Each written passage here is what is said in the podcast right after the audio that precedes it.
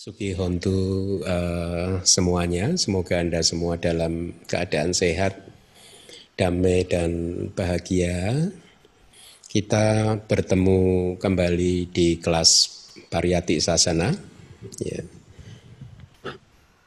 Kelas ini memang sejak beberapa tahun yang lalu didesain untuk menyampaikan ajaran-ajaran yang benar-benar atau diusahakan semaksimal mungkin yang sesuai dengan kitab suci.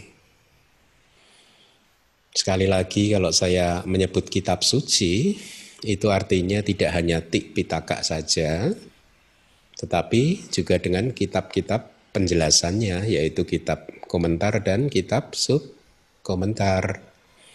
Kenapa begitu? Karena mustahil memahami Tipitaka tanpa bantuan kitab komentar dan kitab subkomentar. Tanpa bantuan kitab-kitab tersebut, maka pemahaman kita bisa saja melenceng jauh. Dan karena melenceng jauh, bisa saja itu tidak bermanfaat buat kehidupan kita. Begitu, ya. Oleh karena itulah eh, kelas ini also known as kajian kitab suci, ya. Nah, sengaja didesain seperti itu. Kadang mungkin dengan desain kelas yang seperti itu ada sebagian dari Anda yang merasa bahwa ceramah-ceramah di kelas pariyati sasana tidak menyentuh problem sehari-hari, tidak bisa mengatasi, membantu Anda untuk mengatasi problem sehari-hari. Kalau Anda yang meyakini hal seperti itu, saya bisa mengatakan bahwa pernyataan tidak benar. Dengan kata lain, sebenarnya mendengarkan ajaran-ajaran yang ada di kitab suci seperti di kelas pariyati sasana ini bisa menghalau problem-problem kehidupan. Mungkin topik-topiknya tidak diuraikan berdasarkan problem-problem sehari-hari, tetapi kekuatan dari kata-kata Buddha itu bisa menghalau kesulitan-kesulitan di dalam kehidupan. Bisa melumpuhkan karma-karma buruk yang lalu sehingga dia tidak bisa atau karena lumpuh jadi untuk sementara waktu tidak berbuah. Bisa menghindarkan buah dari karma-karma buruk. Ya. Kenapa hal itu demikian? E, karena mendengarkan kata-kata Buddha yang ada di dalam kitab suci. Saya katakan yang ada di dalam kitab suci itu mempunyai kekuatan yang niyanika. Yaitu mampu menuntun kita mengalir ke arah Eh, keluar dari samsara. Anda harus meyakini ini karena ini ada di kitab kita bahwa kata-kata Buddha ingat ya kata-kata Buddha bukan kata-kata Bante Keminda kata-kata Buddha. Kata-kata Buddha itu yang mana? Ya yang ada di kitab suci Nah kitab sucinya kan hanya Tipitaka saja. Iya eh, kata-kata Buddha itu di kitab eh, di Tipitaka, tetapi Anda membaca Tipitaka tanpa bantuan kitab komentar dan kitab subkomentar juga mustahil untuk memahaminya, bisa bisa memahaminya. Nah kata-kata Buddha itu niyanika, mempunyai kekuatan, mempunyai kemampuan untuk menuntun kita keluar dari siklus kelahiran dan kematian. Bukankah itu adalah satu hal yang sangat kita idam-idamkan bersama. Dengan kata lain, kalau kita mendengarkan pembabaran kitab suci seperti ini, kajian-kajian kitab suci seperti ini, kita jangan berpikir hanya untuk satu kehidupan ini saja.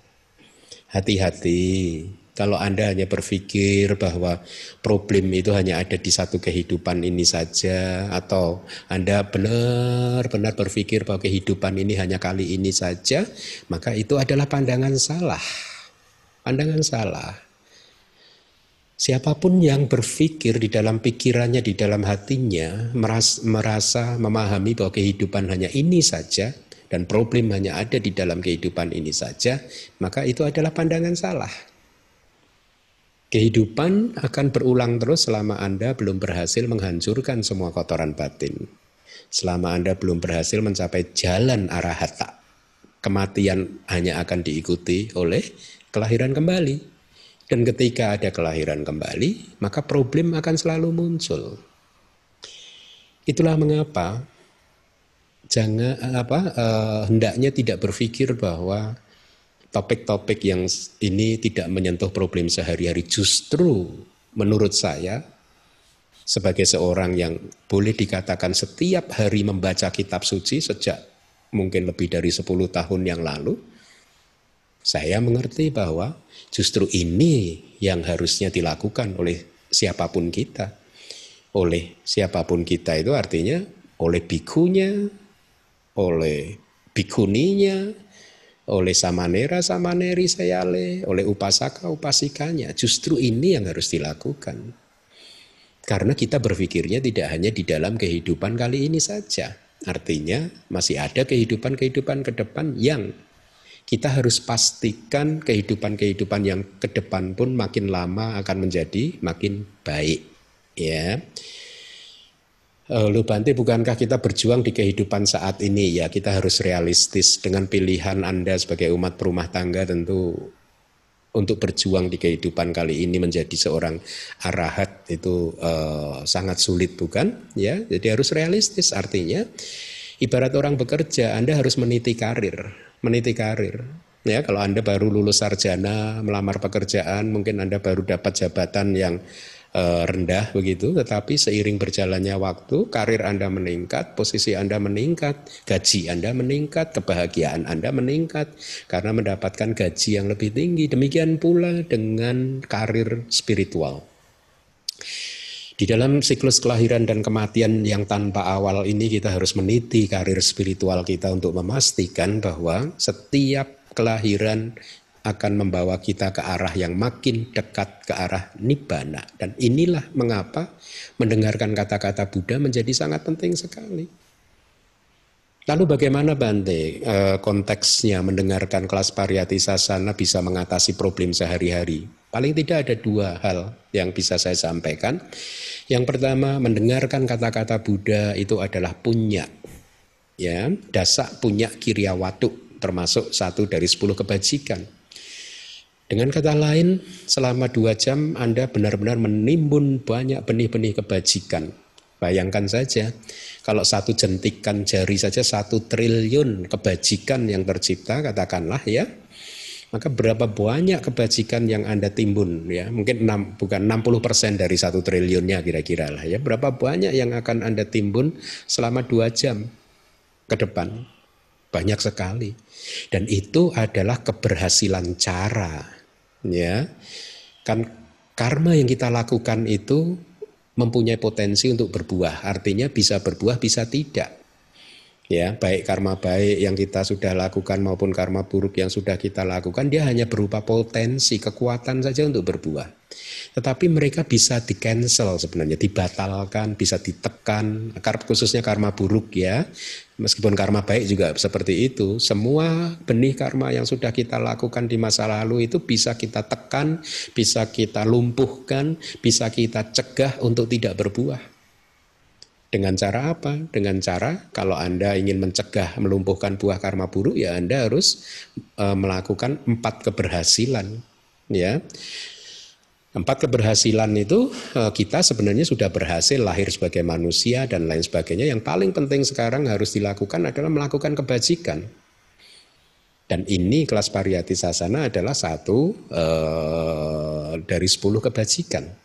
Ini adalah keberhasilan cara dan dengan demikian kebajikan yang Anda timbun selama mendengarkan kata-kata Buddha akan mampu melumpuhkan buah karma, melumpuhkan benih-benih karma buruk Anda di masa lalu sehingga mereka banyak yang lumpuh dan tidak mendapat kesempatan untuk berbuah. Bukankah itu dealing with daily life problem? Bukankah itu sangat diharapkan? Artinya Mendengarkan kelas pariyati sasana juga menyentuh problem sehari-hari. Karena dengan timbunan kebajikan Anda, banyak sekali karma buruk di masa lalu nanti yang akan Anda lumpuhkan dengan mendengarkan pariyati sasana sehingga mereka nggak muncul. Anda terhindar dari menikmati buah-buah karma buruk. Gitu. Satu itu. Poin kedua adalah dengan meningkatkan pengetahuan terhadap uh, di dalam uh, terhadap ajaran Buddha yang benar, maka Anda membuat akan membuat Anda menjadi terampil di dalam menghadapi situasi masalah-masalah kehidupan ya akan membuat Anda terampil tanpa Anda sadari, akan membuat terampil, ya. Dan Anda akan semakin bisa bereaksi secara positif karena pengetahuan-pengetahuan yang sudah Anda pelajari setiap hari minggunya. Dan dengan demikian kualitas kehidupan Anda akan meningkat. Ya, tapi sekali lagi ya, jangan hanya berpikir di kehidupan kali ini. Tapi karena selama Anda itu masih kita masih punya kilesa, maka penderitaan itu akan selalu muncul. Ya, sedih, kecewa dan lain sebagainya akan selalu muncul karena memang kilesanya belum dihancurkan dan ingat ketika ada kelahiran kembali di masa yang kapan pun masalah akan selalu ada ya oleh karena itulah saya sering mengibaratkan begini kalau bagi Anda yang mengharapkan ceramah-ceramah yang menyentuh problem sehari-hari yang bersifat psikologis, itu sering saya umpamakan sebagai begini. Uh, ada seorang yang sakit kepala, pusing, kemudian minum painkiller, ya sakit kepalanya sembuh, ya sakit kepalanya sembuh. Tapi anda tahu, painkiller tidak pernah addressing the issue. Painkiller hanya menghilangkan rasa sakit, tetapi tidak pernah menyentuh akar dari masalahnya. Itulah kalau Anda ingin uh, apa uh, ceramah-ceramah yang menyentuh problem sehari-hari yang bersifat ceramah-ceramah psikologi begitu ya tetapi mendengarkan kata-kata Buddha ini bukan painkiller ini adalah benar-benar mencabut, memberikan pengetahuan kepada anda, anda, memberikan modal kepada Anda supaya karir meningkat sehingga akhirnya bisa mencabut akar dari sakit kepala itu tadi. Sehingga ketika dia dicabut akar dari sakit kepala tadi, Anda selamanya tidak akan pernah sakit kepala lagi. Tetapi kalau Anda hanya minum painkiller, ya ceramah yang menyentuh problem sehari-hari, hari ini pusingnya hilang, besok pusing lagi. Anda butuh guru lagi untuk mendengarkannya. Satu jam mendengarkan, pusingnya hilang, besok pusing lagi. Hal yang demikian tidak terjadi pada mereka yang benar-benar mempelajari kitab suci. Kenapa demikian? Karena sudah ada banyak sekali murid-murid saya yang istilahnya mengapresiasi dan bersyukur mengucapkan terima kasih betapa setelah mereka mempelajari kitab suci kualitas kehidupan mereka berubah, pandangan mereka berubah dan mereka makin terampil untuk mengatasi problem sehari-hari. Ya, demikian adalah uh, prolog dari saya. Pagi hari ini kita akan mempelajari suta masih dari Itik Utaka, suta ke-52. Judulnya adalah Padhama Vedana Sutta. Uh, khotbah tentang perasaan yang pertama. Tapi harus Anda pahami bahwa kata yang pertama itu tidak apa tidak dihubungkan dengan perasaan. Berarti ini perasaan yang pertama, yang itu perasaan yang kedua bukan, tetapi dihubungkan dengan khotbah. Jadi ini adalah khotbah tentang perasaan yang jilid satu.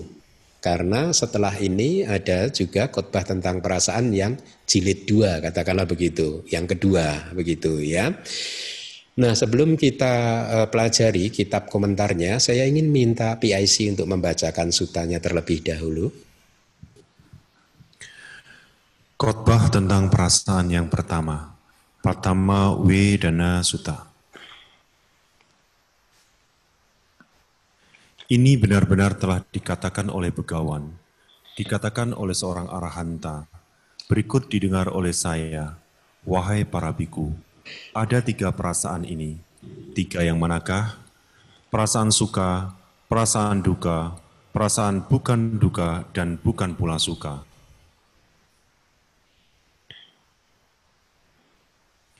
Ini wahai para biku, adalah tiga perasaan Begawan mengatakan pesan itu sehubungan dengan hal tersebut. Berikut ini dikatakan. Seorang murid Buddha yang terkonsentrasi, yang penuh pemahaman, yang penuh perhatian memahami perasaan, perasaan dan asal mulanya perasaan-perasaan, dan di mana mereka lenyap dan jalannya mengarah pada kehancurannya.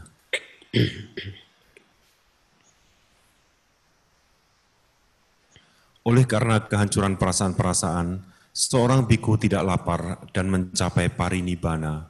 Pesan ini pun dikatakan oleh Begawan, telah didengar oleh saya demikian. Yang ketiga.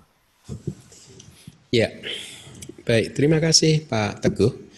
Itu tadi adalah khotbahnya. Ya seperti biasa, Anda sekarang saya harap ya, saya harap Anda semua sudah bisa mengerti kenapa saya mengatakan bahwa membaca Sutta Pitaka atau Tripitaka tanpa bantuan kitab komentar itu mustahil. Anda boleh cek semua suta yang sudah dibabarkan dan coba renungkan pernyataan ini benar atau tidak. Nah, saya menyampaikan hal seperti ini bukan bermaksud negatif. Saya menyampaikan ini dengan segala niat baik saya bahwa semua harus didorong untuk bisa membaca kitab komentar dan kitab subkomentar ya karena ini adalah sebagai satu bentuk tanggung jawab untuk mengajarkan sesuatu kepada uh, umat begitu ya. Nah di suta ini tadi dikatakan Buddha mengatakan ada tiga jenis perasaan atau bahasa palinya Vedana ya. Sebenarnya dari suta yang sudah kita pelajari di dari iti utaka selama ini sejak loba suta dan seterusnya ini adalah bercerita tentang realitas-realitas hakiki. Para mata dhamma. Apa itu realitas hakiki? Realitas hakiki adalah realitas yang benar-benar ada, ya. Dia menjadi objek dari wipasana kita ya. Dan Buddha memberikan petunjuk kepada kita bahwa di seluruh alam semesta ini hanya ada tiga jenis realitas hakiki yaitu kesadaran atau cita kemudian cetasika atau faktor-faktor mental wedana ini termasuk faktor-faktor mental kemudian yang ketiga adalah rupa atau materi. Ada satu realitas hakiki lagi yang berada di luar samsara yaitu nibbana ya Nah, tiga realitas hakiki yang tadi saya sebutkan itu adalah reali, disebut realitas hakiki juga karena atau dengan definisi karena mereka benar-benar sesuai dengan apa yang didefinisikan, bukan kebalikannya. Gitu. Ya, nah, in contrast, jadi sebagai eh, dhamma yang berlawanan katakanlah dengan realitas hakiki itu disebut sebagai bahasa palinya panyati konsep. Ya. Konsep itu adalah berarti apa pun yang di luar dari empat yang saya sebutkan tadi. Berarti makhluk hidup manusia laki-laki perempuan rumah mobil pohon burung dan lain sebagainya itu konsep. Ya dia tidak eksis. Sebenarnya dia tidak eksis ya. Dikatakan bahwa seperti kemarin di kelas abidama semua konsep itu hanyalah eh, bayangan dari realitas hakiki ya. Dia hanya bayangan dari realitas hakiki saja ya. Anda bayangkan kalau Anda sedang berjalan-jalan di tengah terik matahari yang panas sekali Anda ada bayangan tubuhnya kan ya. Ada bayangan tubuh Anda dan kemudian kalau Anda berpikir bahwa bayangan tubuh Anda itu adalah realitas yang nyata, maka Anda keliru. Coba Anda renungkan, uh, jawab pertanyaan saya. Bayangan tubuh Anda itu realitas yang benar-benar ada, nyata atau tidak? Tidak, bukan? Dia hanya bayangan dari tubuh Anda, ya. Yang nyata adalah tubuh Anda. Ini hanya perumpamaannya, meskipun sesungguhnya tubuh juga tidak nyata, gitu ya. Tapi ini hanya perumpamaan saja untuk menggambarkan uh, perbedaan antara realitas hakiki dan konsep. Ya, yang nyata sesungguhnya tubuh Anda, bayangan Anda itu tidak nyata. Ya, dengan kata lain, yang nyata itu sesungguhnya hanyalah empat realitas hakiki tadi. Di luar empat realitas hakiki tadi itu adalah semuanya tidak nyata Uang Anda, kekayaan Anda semua tidak nyata. Dia hanyalah bayangan dari realitas hakiki. Tetapi masalahnya kemudian menjadi problem yang besar karena Kebanyakan manusia benar-benar terserap kepada bayangan tadi dan menganggap itu adalah sesuatu yang nyata dan pantas untuk dikejar. Makanya kalau Anda ingat pelajaran di Awija Niwarana Sutta itu, Awija itu ketidaktahuan, kebodohan itu selalu mengejar sesuatu yang tidak nyata. Selalu mengejar bayangan-bayangan itu tadi dan dianggapnya nyata gitu. Awija tidak mau mengejar sesuatu yang nyata. Awija tidak mau mengejar cita-cita sika rupa dan nibana. Ya. Nah, kebetulan beberapa hari yang lalu saya dikirimi satu video yang saya pikir ini bisa cukup bagus untuk memberikan ilustrasi kepada Anda. Jadi videonya itu adalah tentang anak kecil bule ya, kalau tidak salah dia bule itu. Umurnya mungkin sekitar tiga tahun gitu, dia baru bisa belajar berjalan gitu. Singkat cerita di dalam video tersebut dia sedang berjalan-jalan di tengah uh, terik matahari begitu Tadinya dia berjalan dengan happy begitu, dengan bahagia sampai suatu saat dia menoleh melihat ke tanah, dia melihat ada bayangan tubuhnya. Dan dia langsung uh, kayak terkejut begitu. Kemudian dia berjalan cepat kayak setengah berlari sambil melihat bayang melihat kebayangannya. Dan ketika mengetahui bahwa bayangannya itu selalu mengikuti dia, apa yang terjadi? Dia menangis. Dia menangis, itu. Dia lari ke sana kemari sambil menangis. Ketika saya melihat video itu, saya straight away ingat pada uh, hal seperti ini yang akan yang tadi sudah saya sampaikan tadi betapa manusia selama ini hanya mengejar bayangan dan itu dianggapnya sebagai sesuatu yang nyata. Ya. Dan akhirnya mereka menderita sendiri. Itulah mengapa selama kita ini mengejar bayangan itu tadi, kita tidak akan pernah bahagia ya kebahagiaan itu ya hanya sebentar saja habis itu nggak damai lagi. Tetapi kalau kita sudah bisa mengerti bahwa itu adalah bayangan maka hati kita damai. Damai itu berbeda dengan bahagia karena bahagia itu bisa kadang bahagia kadang tidak bahagia muncul. Tapi damai itu berkaitan dengan situasi apa pun hati kita damai Ketika situasi sedang baik, hati kita damai. Ketika situasi sedang tidak baik, hati kita juga damai. Ya, itu tujuan kita berlatih. Karena sesungguhnya menghindari problem di dalam samsara ini mustahil juga. Samsara itu sendiri itu adalah juga masalah problem akan selalu ada di mana pun dan kapan pun.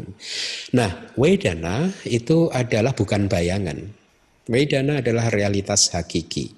Definisi dari nibbana adalah aramana rasang wediyanti anu bawanti ti wedana. Aramana rasang wediyanti anu bawanti ti wedana. Artinya mereka merasakan, artinya mereka itu siapa? Perasaan-perasaan. Kalau di dalam suta ini ada tiga jenis perasaan, ya artinya tiga jenis perasaan ini suka, duka, bukan duka dan bukan pula suka itu merasakan. Merasakan apa? Merasakan objek.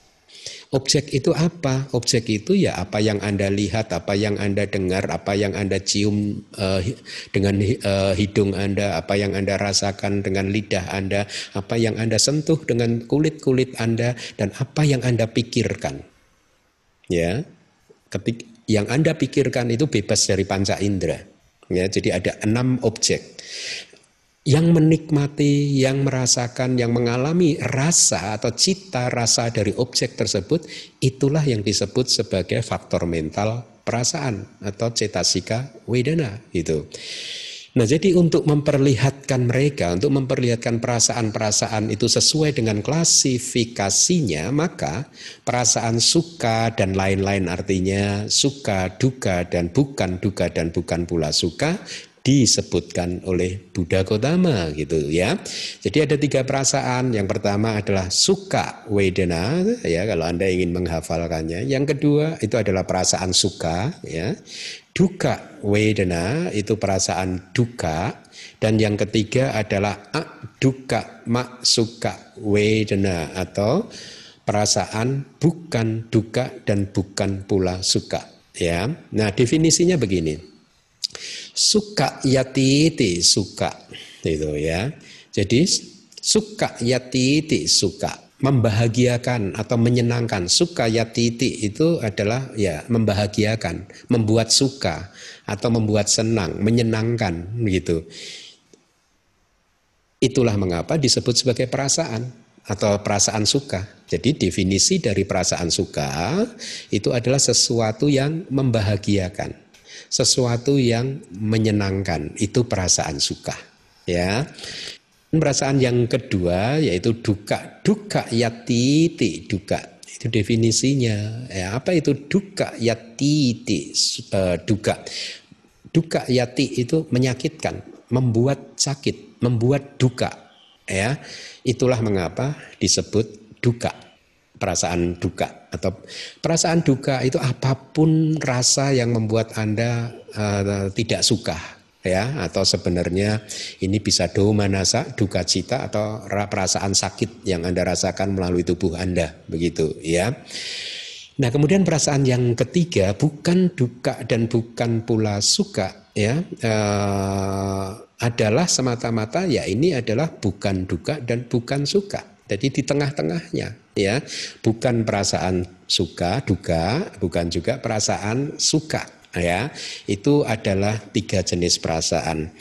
Jangan bingung kalau nanti di suta yang lain Anda di uh, guru Anda misalkan guru lain menyebutkan perasaan itu ada 108 nah jangan bingung ya karena memang uh, perasaan bisa diklasifikasikan menjadi uh, banyak hal banyak klasifikasi kalau Anda ingin mengerti tentang perasaan, Anda boleh mendengarkan ceramah saya yang berjudul uh, tentang banyak perasaan atau apa begitu ya. Eh, Bahu Wedena itu ada itu. Ya, ada di YouTube. Nah, kitab komentar mengatakan demikian. di antara tiga perasaan itu tadi, perasaan suka itu memiliki karakteristik untuk merasakan atau memakan objek yang menyenangkan. Itu, ya. Sementara perasaan duka memiliki karakteristik merasakan objek yang tidak menyenangkan, bukan duka dan bukan pula suka memiliki karakteristik merasakan objek yang berlawanan dengan uh, keduanya gitu ya. Jadi sekarang Anda tahu bahwa perasaan suka itu akan otomatis muncul ketika objek yang Anda tangkap melalui enam indria tadi itu adalah objek-objek yang menyenangkan. Perasaan duka muncul ketika uh, objek itu ya uh, maksud saya bukan harus muncul ya bukan harus muncul tetapi biasanya muncul karena objek-objek yang tidak menyenangkan kalau perasaan bukan duka dan bukan pula suka itu muncul ketika objeknya netral-netral saja. Nah sekarang pertanyaannya adalah bagaimana kita mendefinisikan objek itu sebagai objek yang menyenangkan, objek yang tidak menyenangkan, atau objek yang netral. Ya, menyenangkan atau tidak menyenangkan bisa didefinisikan dengan berbagai kriteria. Ya, satu adalah uh, standar umum ya dengan standar umum ya. Standar umum itu ya apa yang berlaku di umum dan dianggap sebagai menyenangkan maka itu adalah objek yang menyenangkan gitu ya. Yang kedua bisa dengan standar misalkan musim atau ya musim iklim. Artinya begini ya kalau kita sedang berada di musim panas ya maka uh, es uh, sesuatu yang dingin itu adalah sesuatu objek yang menyenangkan tapi kalau kita berada di musim dingin, maka objek yang dingin itu tadi adalah sesuatu yang tidak menyenangkan. Ya. Demikian pula e, bisa dengan banyak eh, contoh-contoh yang lain ya. E, misalkan di musim panas baju yang tebal itu adalah sesuatu yang tidak menyenangkan. Tetapi di musim dingin baju yang tebal itu adalah sesuatu yang e, menyenangkan. Kemudian atau kriteria standar penilaian yang lain itu adalah dengan eh, apa eh, menganalisa di mana di pintu yang mana objek tersebut dirasakan gitu ya. Kalau di kitab komentar itu memberi contoh maaf ya kalau kotoran sapi misalkan ya. Kotoran sapi itu sebagai objek mata dia adalah objek yang tidak menyenangkan ya karena dia kotor, kotoran begitu. Tetapi buat kulit Anda, sentuhan Anda ketika Anda menyentuhnya, maka itu objek yang menyenangkan karena lembut begitu. Itu kata abidama begitu ya. Nah, jadi yang harus Anda ketahui bahwa perasaan menyenangkan muncul dari objek ya, perasaan suka muncul dari objek yang menyenangkan, perasaan duka muncul dari objek yang tidak menyenangkan, perasaan bukan duka dan bukan pula suka muncul dari objek yang netral saja, ya, di tengah-tengah dari ob, dua objek yang tadi. Tetapi sesungguhnya Anda, kita bukanlah seorang yang dikuasai oleh objek ya kita bukan makhluk yang dipenjara oleh objek. Kita bukan makhluk yang dikontrol oleh objek. Kenapa? Karena kita bisa terbebas dari objek yang katakanlah objek yang tidak menyenangkan. Ketika Anda mengalami objek yang tidak menyenangkan, maka perasaan yang muncul tidak harus perasaan duka. Ya kalau Anda menerapkan Yuniso Manasikara, Anda menerapkan Meta Karuna, maka ketika melihat ada orang yang memarahi Anda, tetap saja hati Anda akan mungkin tetap uh, damai, artinya perasaan yang tenang begitu ya. Uh, ketenangan. Artinya Anda tidak harus memunculkan perasaan duka ya sebaliknya juga kita harus hati-hati. Ketika eh, objek yang menyenangkan muncul dan kemudian kita tidak menerapkan yuniso manasigara dan kebetulan pada waktu itu perasaan suka yang muncul Anda berbahagia dan Anda pikir bahwa Anda sedang eh, memetik buah karma uh, baik. Memang benar Anda sedang memetik buah karma baik karena objek yang datang adalah objek yang menyenangkan, tetapi perasaan suka yang menikmati objek tersebut belum tentu itu adalah karma baik. Saya katakan belum tentu. Bisa saja itu karma baik, bisa saja itu muncul dari loba, keserakahan. Karena keserakahan bisa muncul dengan perasaan suka juga, perasaan sukacita ya. Nah, jadi hati-hati dalam keadaan apa pun kita harus menerapkan yoniso manasikara. Nah kembali, kitab komentar kemudian mengatakan demikian, itulah mengapa perasaan suka dan duka mudah dirasakan ya. Tetapi mak suka tidak mudah untuk dirasakan. Demikian kata kitab kita ya.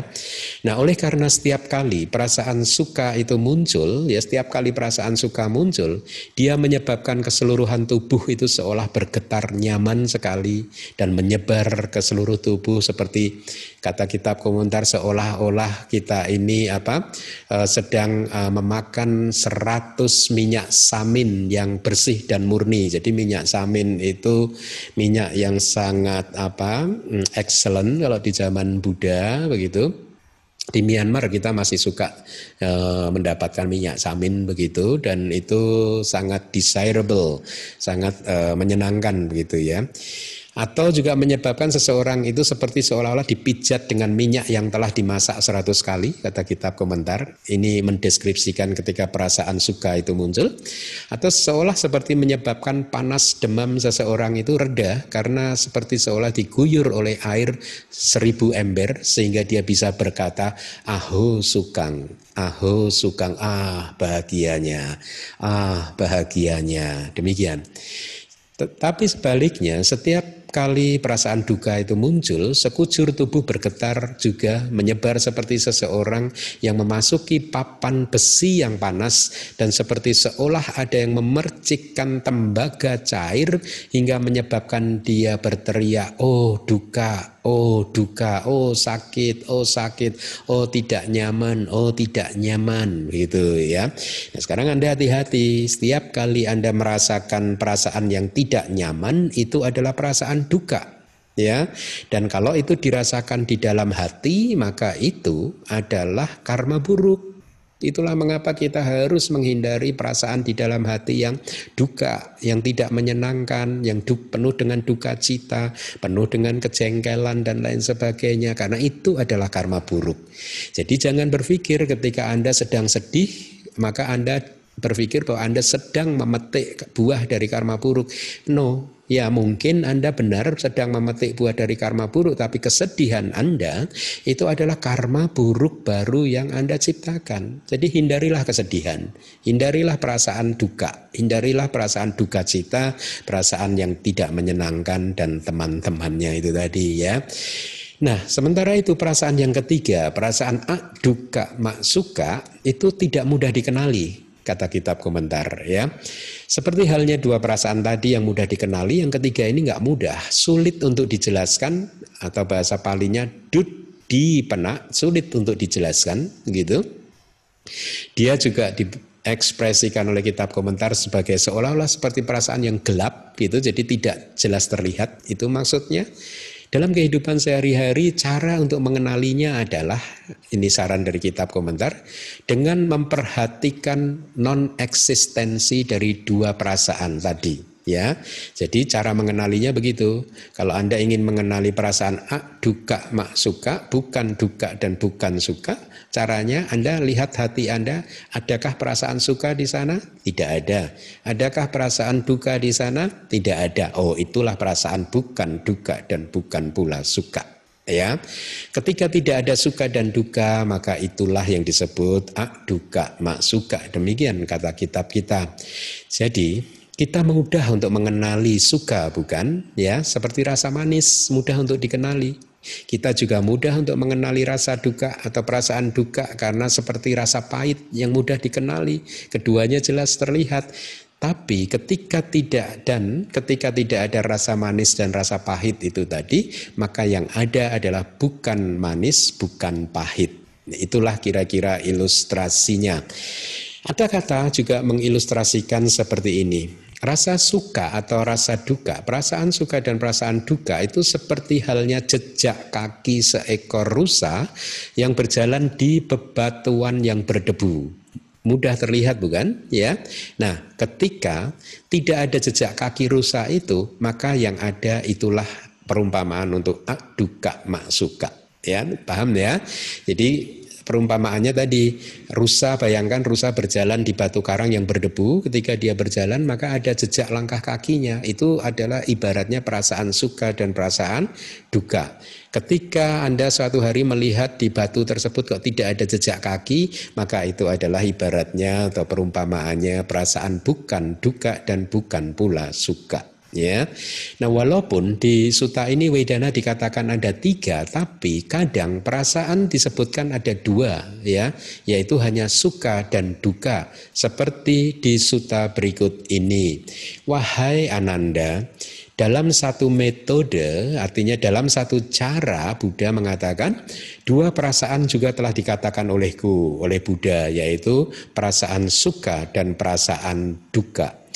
Di kesempatan yang berbeda, Buddha mengatakan perasaan ada tiga, seperti yang ada di uh, apa uh, uh, berikut ini penjelasannya begini ya.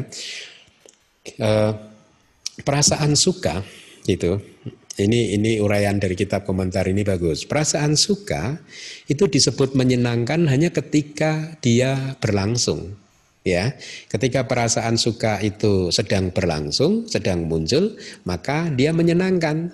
Tetapi perusahaan suka menjadi tidak menyenangkan di momen penggantian artinya apa? Ketika sudah hilang ketika sudah berganti. Karena ketika perasaan suka hilang eh, maka yang yang eksis adalah either perasaan duka atau perasaan bukan duka dan bukan pula suka. Sementara perasaan duka adalah tidak menyenangkan di momen kelangsungan tetapi dia menyenangkan di momen penggantian. Artinya ketika hilang perasaan duka menyenangkan gitu ya. Perasaan bukan duka dan bukan pula suka adalah menyenangkan ketika ada pengetahuan. Ya ketika anda tahu bahwa oh inilah perasaan netral. Hmm, damai ya damai. Menyenangkan.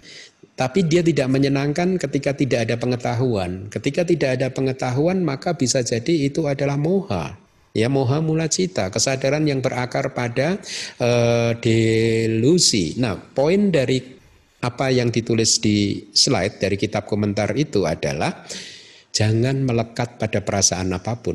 Ketika perasaan suka muncul, ketahuilah perasaan suka ini muncul dan dia harus diizinkan untuk lenyap.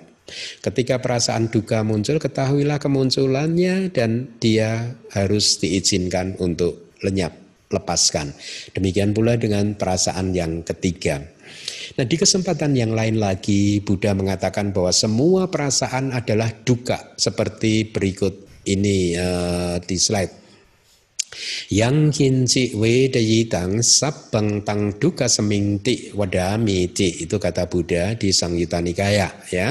Yang kinci wedayitang apa pun yang dirasakan sabang tang semuanya itu wadami aku katakan duka semingti sebagai penderitaan atau sebagai duka. Kenapa begitu ya?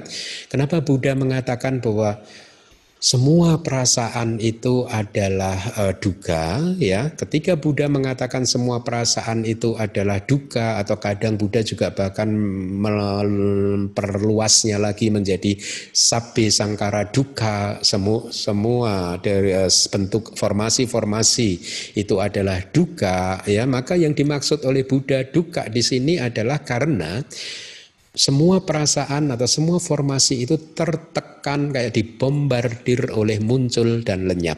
Nah ini yang harus Anda pahami, bahwa perasaan apa pun itu muncul dan lenyap.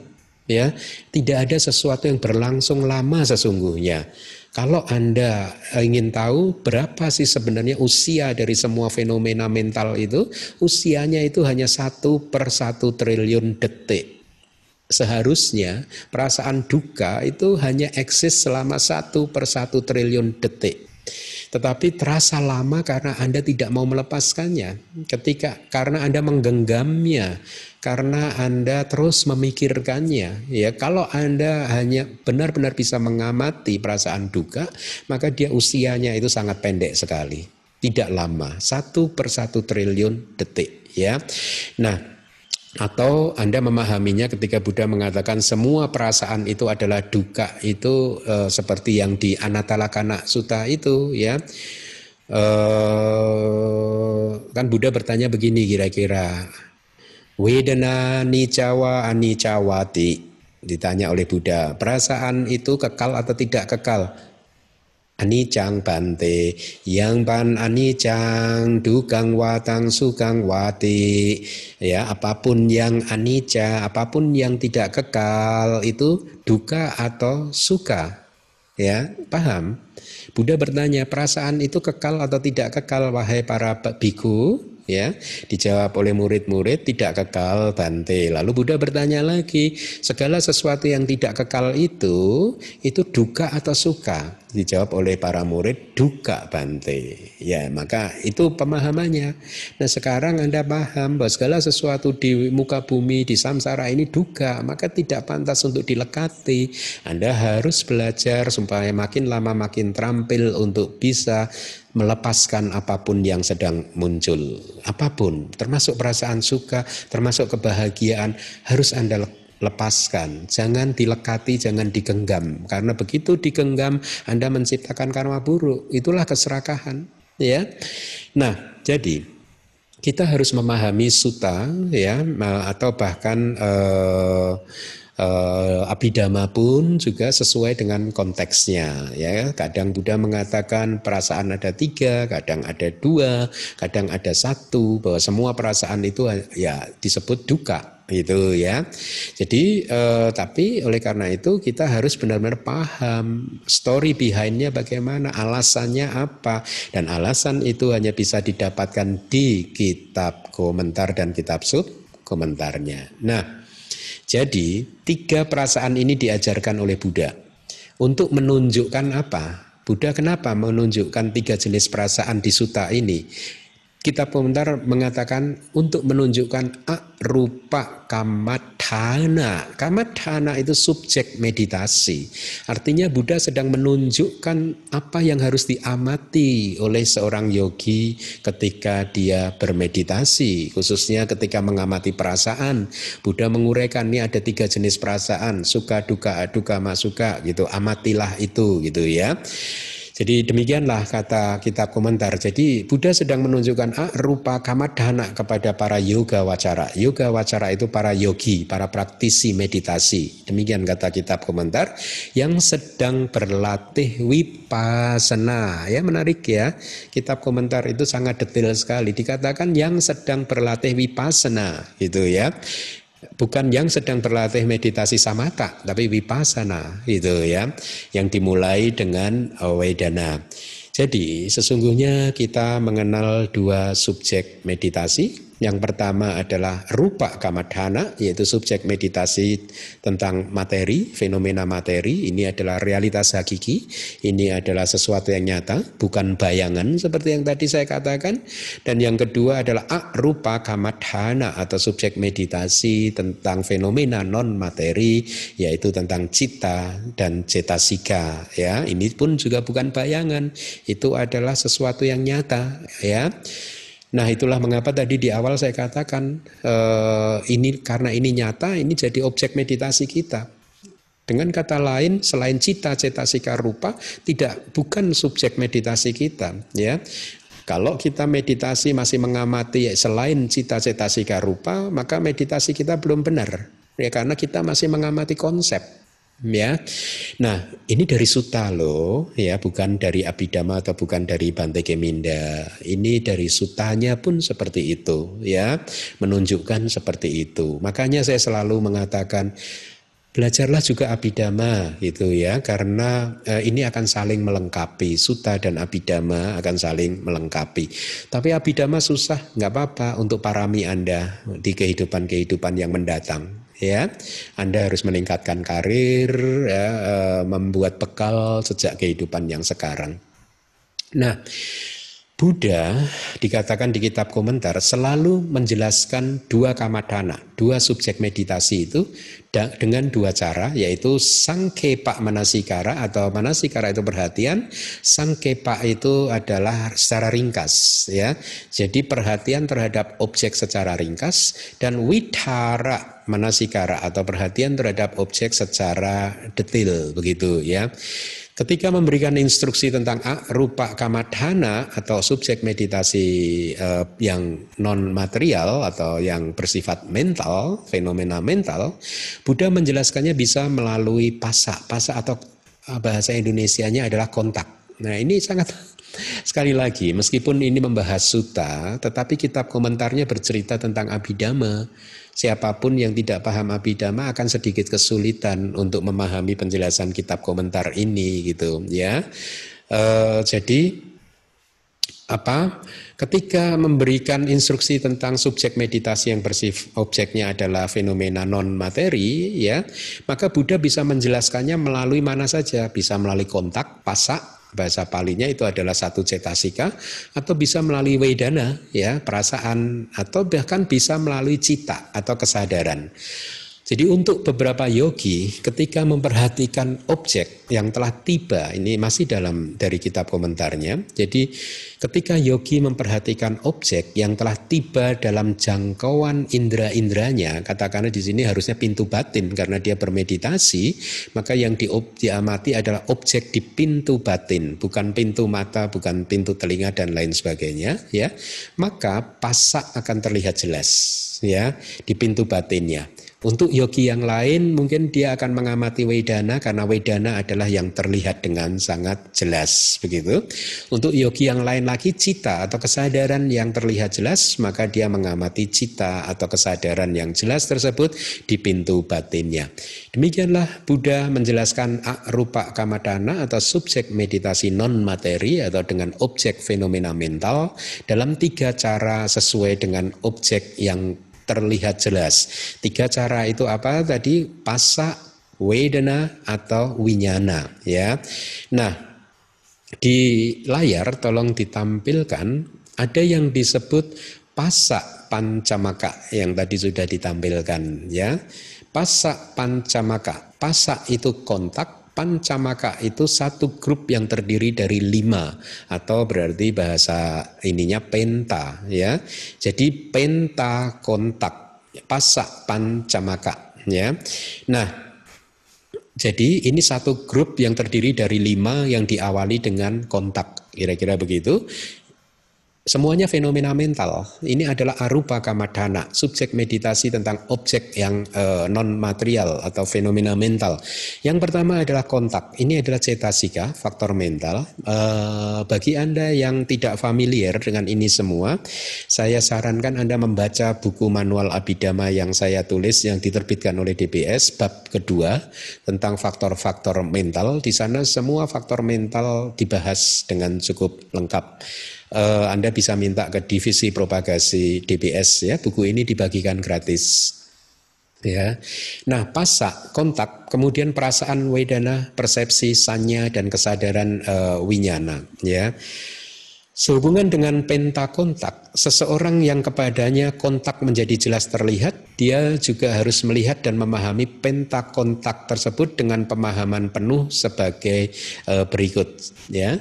Jadi dia akan melihat bahwa ternyata ketika kontak itu muncul, ketika faktor mental yang disebut kontak itu muncul, ya, e, bersama dengan kontak itu sesungguhnya ada perasaan juga ya. Perasaan juga muncul. Kontak itu karakteristiknya adalah berbenturan dengan objeknya ya. Anda akan melihat bahwa ada fenomena mental yang memang berbenturan dengan objek ya itulah yang disebut kontak. Kemudian ada fenomena mental yang menikmati objek tersebut itu adalah wedana kemudian juga ada persepsi yang mengenali objek tersebut ya. Objek yang muncul itu. Kemudian juga ada kehendak atau cetana yang menghendaki objek itu muncul dan mendorong yang lain untuk menikmati apa untuk uh, menuju ke objek tersebut. Juga ada kesadaran yang menyadari objek itu juga uh, muncul bersamanya. Dengan demikian ada lima fenomena mental tersebut yang diamati ketika seorang mengamati kontak atau bahkan mengamati wedana ya dan yang lain-lainnya. Cara yang seperti itu dipakai oleh para yogi yang kepadanya perasaan menjadi jelas terlihat. Artinya ketika perasaan jelas terlihat dia mengamatinya dengan cara seperti itu tadi, penta kontak itu tadi. Demikian kata kitab komentar. Atau yogi yang di mata batinnya yang terlihat jelas adalah persepsi atau juga cetana atau bahkan juga kesadaran itu sendiri. Dia yang ingin mencari seperti ini Kemudian ketika melihat itu, kata kitab komentar memberi petunjuk meditasi kepada kita, setelah uh, penta kontak tadi itu diamati, kemudian kita disarankan oleh kitab komentar untuk mencari, ya ada pertanyaan yang diinikan di kitab komentar. Penta kontak ini bergantung atau kemunculannya bergantung pada apa gitu ya. Kira-kira yogi sebenarnya ini hanya hanya apa instruksi saja Intinya ketika sudah melihat penta kontak tadi biasanya secara otomatis yogi akan mengamati ini muncul dari mana gitu, bergantung pada apa gitu ya. Nah, memahami mereka akan memahami sepenuhnya seperti ini bahwa mereka akan tahu bahwa penta kontak itu bergantung sepenuhnya pada waduk Waduk itu adalah landasan, landasan e, kalau di pintu batin berarti dia adalah e, hadaya waduk, landasan e, jantung yaitu fenomena materi gitu. Nah, Uh, jadi kitab komentar juga menguraikan bahwa semua waktu ini adalah tubuh sesungguhnya yang dibentuk atau tidak lain adalah rupa atau materi. Jadi setelah mengamati arupa yang tadi, kemudian baru mengamati rupa itu dari kitab uh, komentar. Ada teknik meditasi yang berkebalikan, yang diamati adalah uh, rupanya dulu, baru kemudian yang diamati adalah rupanya. Tapi di sini adalah rupa dulu, baru kemudian waktu atau landasannya diamati. Nah, apa yang diamati ketika yogi mengamati rupa atau materi, maka dia menemukan akan melihat dua fenomena kelompok fenomena yang berbeda ya yaitu kelompok pertama disebut unsur-unsur dasar yang besar, maha buta, yaitu elemen air, elemen api, elemen angin, elemen udara. Dan kelompok fenomena yang kedua adalah upada rupa atau materi yang bergantung pada unsur-unsur dasar yang besar tadi. Jadi yang kedua ini kemunculannya benar-benar bergantung pada elemen tanah, elemen air, elemen angin, elemen uh, elemen api, elemen angin. Nah dengan demikian dia paham, waduh landasan adalah rupa, sedangkan penta kontak adalah nama ya. Dan dia pun melihat hanya ada nama rupa ini saja. Di luar itu sudah tidak ada lagi fenomena. Itulah mengapa subjek atau objek meditasi wipasana kita itu adalah nama dan rupa dan kalau Anda ingin mendapatkan peta spiritual tentang petunjuk yang yang akurat tentang nama dan rupa, tidak lain dan tidak bukan hanya ada di Abhidhamma. Sutanta tidak bisa mendeskripsikan nama dan rupa dengan detil. Abidama itu memberikan informasi yang lengkap tentang nama dan rupa. Nah, jadi kemudian kitab komentar mengurai begini, menjelaskan untuk pemahaman yogi. Rupa itu sendiri adalah rupa kanda, sedangkan penta kontak adalah nama kanda, ya atau empat arupino kanda. Ya, nama kanda itu adalah agregat mental, empat arupino kanda itu adalah empat agregat yang non material, ya karena dia terdiri dari pasa, wedana, sanya, uh, sorry, wedana kanda, sanya kanda, kemudian sangkara kanda dan juga winyana kanda ya. Dengan demikian pancakanda diamati atau dengan kata lain pancakanda itu tidak terpisah dari nama dan rupa dan atau sebaliknya nama dan rupa juga tidak terpisah dari pancakanda.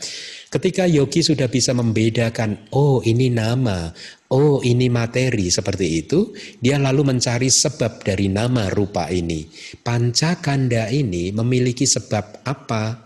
Dan ketika dia mencari, dia menemukan sebabnya tidak lain adalah awija dan lain-lain. Awija dan tanha ya. Ketika pemahaman dia tentang uh, hal tersebut menjadi jelas terlihat secara perlahan-lahan ya dia akan mulai melihat tiklakana. Itu adalah pengetahuan wipasana yang berikutnya. Sama sana nyana. Dia mulai perlahan-lahan melihat bahwa segala sesuatu itu adalah anicca, duka, dan anatta. Ya, Ketika pemahaman tentang tiklakana ini matang dengan kekuatan nama rupa bersama dengan kondisi-kondisinya, dia merealisasi kembali makin dalam lagi bahwa awija itu sendiri bukan hanya sebuah kondisi, tapi dia pun adalah dhamma yang muncul karena kondisi. Menarik ya. Jadi awija itu bukan hanya sebab, yang memunculkan tadi pancakanda tadi.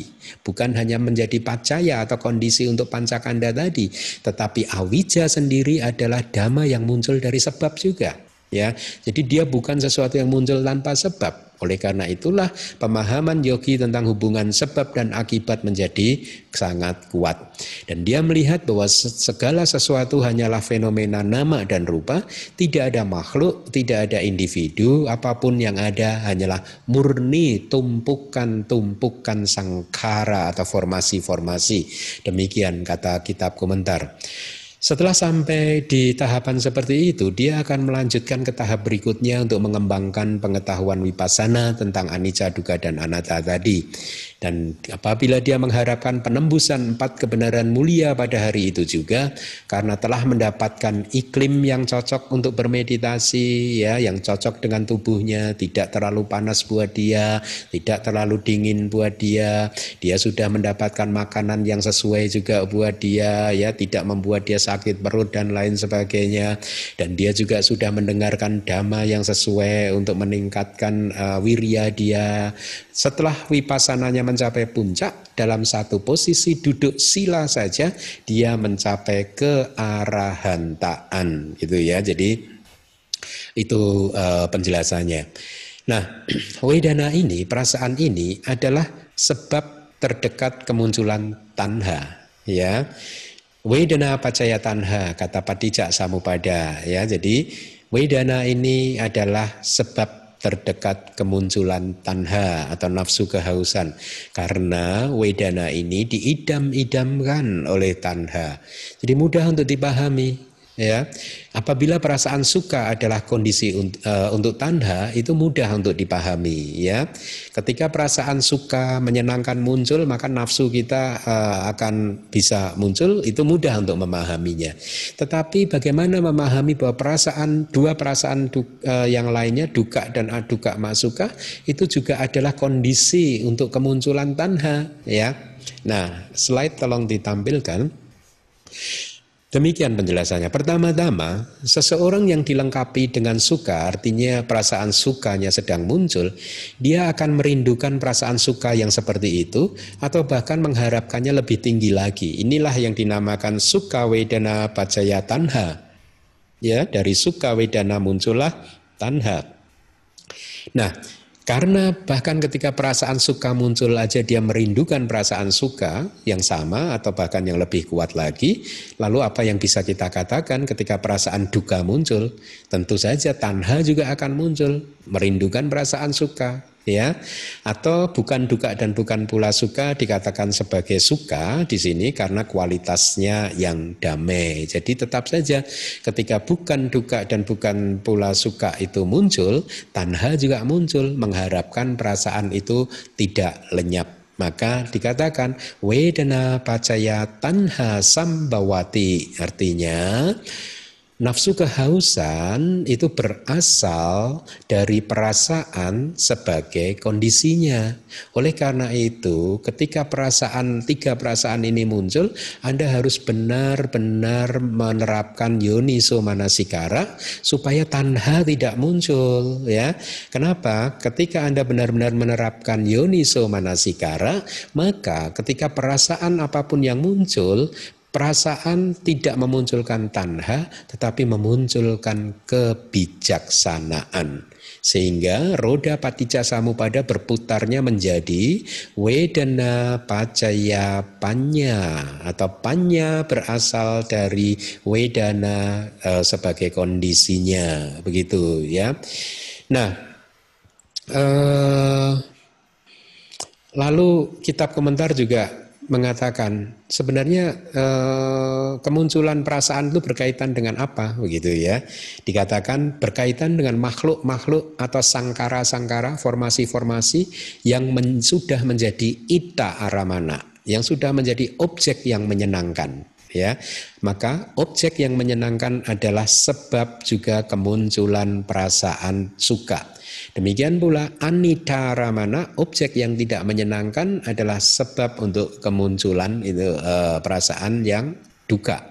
Kemudian majata ramana, objek yang di tengah-tengahnya itu adalah kondisi atau sebab untuk kemunculan perasaan bukan duka dan bukan pula suka. Nah di bagian akhir dari sutanya tadi dikatakan ada kalimat seorang biku yang terkonsentrasi gitu ya. Artinya apa? Artinya terkonsentrasi melalui konsentrasi yang terdiri dari dua jenis konsentrasi yaitu upacara samadhi dan apana samadhi. Upacara samadhi itu adalah konsentrasi akses tetangganya jana, ya dekat sekali dengan jana. Kemudian jenis yang kedua adalah apana samadhi atau konsentrasi absorpsi atau ini adalah jana, ya.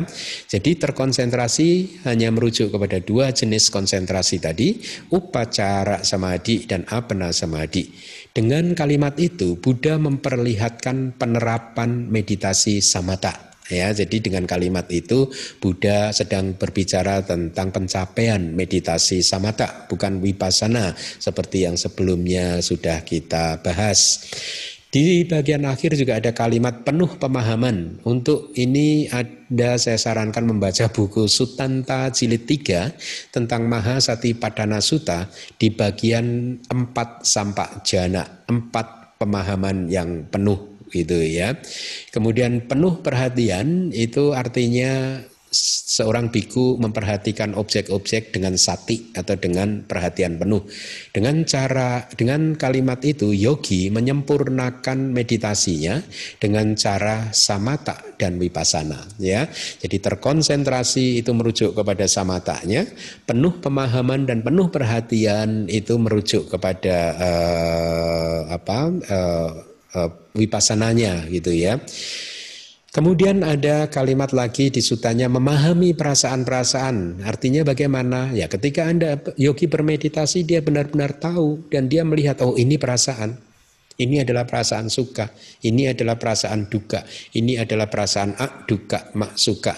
Sebanyak ini saja perasaan artinya ya sebatas ini saja perasaan. Di luar ini sudah tidak ada lagi yang disebut sebagai perasaan artinya perasaan itu ya hanya seperti ini saja. Di masa lalu perasaan itu ya seperti itu, di masa sekarang perasaan itu seperti itu, di masa sekarang perasaan juga seperti itu, eh, di masa depan perasaan juga akan seperti itu gitu. Nah, jadi seorang yogi akhirnya memahami kemudian tik lakana ya atau tiga karakteristik anicca, duga dan anatta dengan melalui tiga parinya pengetahuan yang akurat di tahap awal wipasana mereka. Dia mengerti demikian, oh perasaan adalah anicca duka dan dhamma yang mengalami perubahan. Setelah mengembangkan wipasana, dia memahami perasaan dengan penuh melalui penembusan eh, dari peng, eh, melalui pengetahuan akurat di kesadaran jalan. Kemudian berkaitan dengan asal mulanya perasaan-perasaan itu tidak lain adalah Buddha sedang berbicara tentang kebenaran mulia yang dinamakan asal mula penderitaan ya. E, kebenaran mulia yang kedua samudaya saja ya. Kemudian di suta ada kalimat di mana mereka lenyap ya. Dijelaskan oleh kata-kata di mana pun wedana itu lenyap sejauh itu yang dimaksud adalah kebenaran mulia yang ketiga atau niroda saja.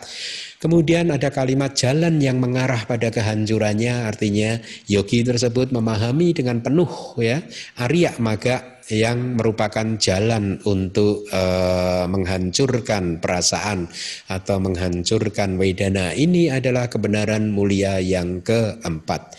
Nah, oleh karena kehancuran perasaan-perasaan, demikian kata sutanya, artinya oleh karena akhir atau penghentian atau niroda dalam bentuk ketidakmunculan perasaan-perasaan melalui atau dengan menggunakan Arya Maga. Arya Maga itu adalah jalan mulia, yaitu jalan mulia berunsur delapan yang menembus empat kebenaran mulia ketika kesadaran maga atau jalan itu muncul. Nah, akhirnya seorang biku yang demikian tidak akan lapar dan dia akan mencapai parinibbana. Demikian kata Suta, artinya seorang biku yang sudah menghancurkan uh, noda-noda batin seperti tadi, mereka dia akan uh, berjalan dengan tanpa tanha, nafsu kehausan. Tanha telah ditinggalkan dan dia akan pada akhirnya kelahiran itu, kehidupan itu adalah kehidupan dia yang terakhir setelah kematiannya sudah tidak akan ada atau diikuti dengan kelahiran yang baru. Dengan kata lain ketika dia meninggal itulah dia uh, itulah saat dia mencapai uh, uh, kanda parinibbana ya yaitu uh, kepadaman dari semua uh, agregat Sedangkan selama hidupnya seorang arahat mencapai kilesa parinibbana atau kepadaman dari kotoran-kotoran batin. What a bliss. Bukankah itu semua yang menjadi tujuan kita? Oleh karena itu, dengarkanlah terus ceramah-ceramah yang ada di dalam kitab suci karena itu benar-benar akan bisa uh, membuat anda, karir Anda meningkat seperti yang tadi di awal saya sampaikan dan semoga dengan apa yang sudah Anda pelajari bisa menjadi kondisi untuk pencapaian jana, maga, pala dan nibana Anda. Demikian pembahasan suta pagi hari ini. Terima kasih. Sadu, sadu, sadu. Terima kasih Bante atas Terima kasih Bante atas pembabaran uh, Dhamma di sana hari ini. Semoga kami semua bisa mendapatkan manfaat terbesar dari pembabaran dhamma yang pendengaran dhamma yang telah kami dapatkan. Selanjutnya kita akan memasuki sesi tanya jawab. Untuk itu kami akan bacakan tata tertib sesi tanya jawab ini.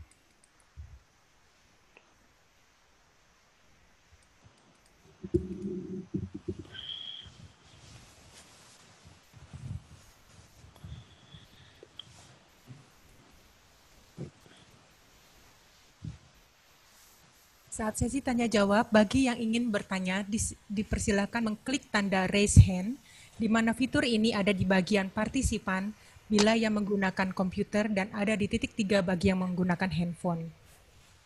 Kami yang akan menentukan siapa yang mendapatkan giliran untuk bertanya.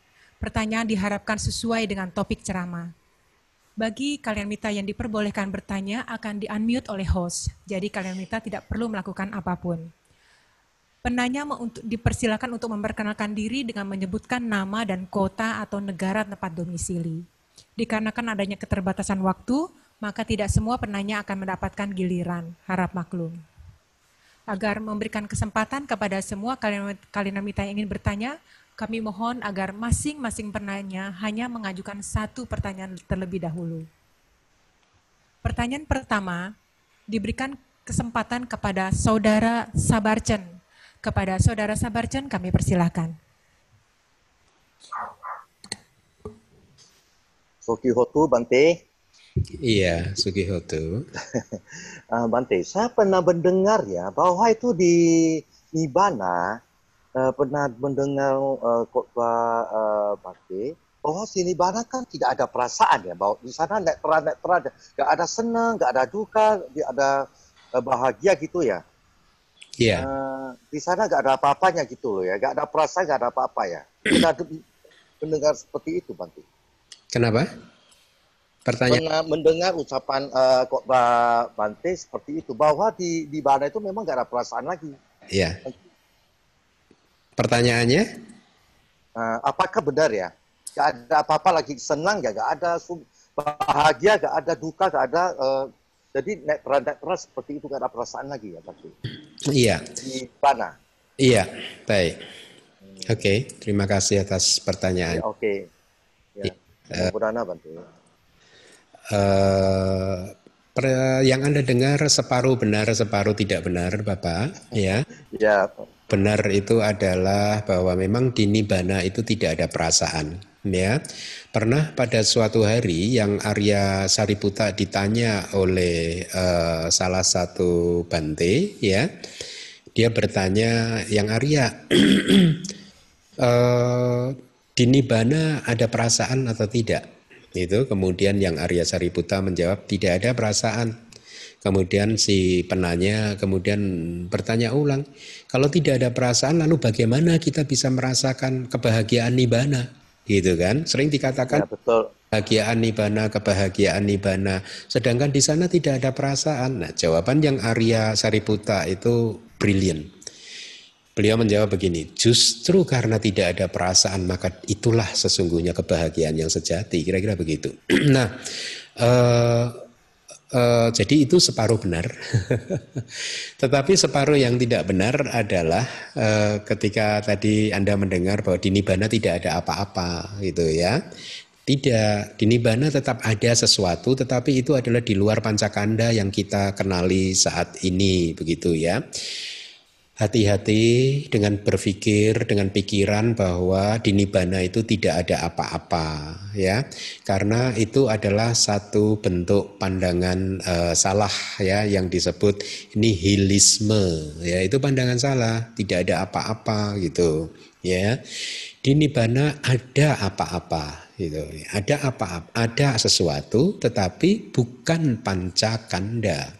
Lalu yang ada di sana apa? Itulah yang sulit untuk dideskripsikan.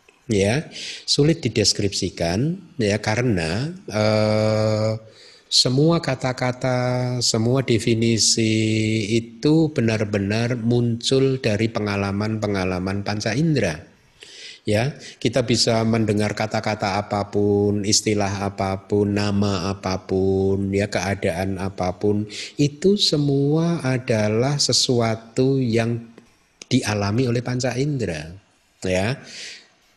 Jadi ketika kita mendefinisikan sesuatu yang di luar pengalaman panca indera maka kita kehilangan kata-kata kita tidak mempunyai kata-kata untuk mendefinisikannya ya karena ini adalah benar-benar pengalaman di luar panca indera ya.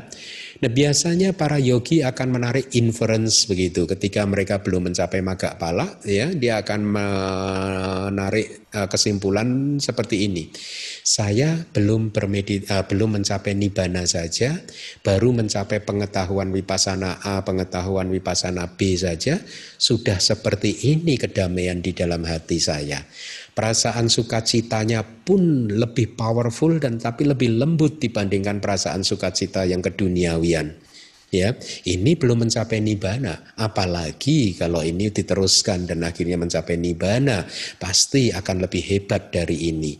Ya mereka yang sudah merealisasi pengetahuan wipasana tahu persis kenapa mereka tidak boleh berhenti. Artinya kenapa mereka harus terus berlatih sampai mencapai minimal mungkin sotapati maga cita uh, sotapati maga nyana sotapati uh, uh, maga dan palak cita gitu ya atau minimal menjadi seorang sotapana gitu ya.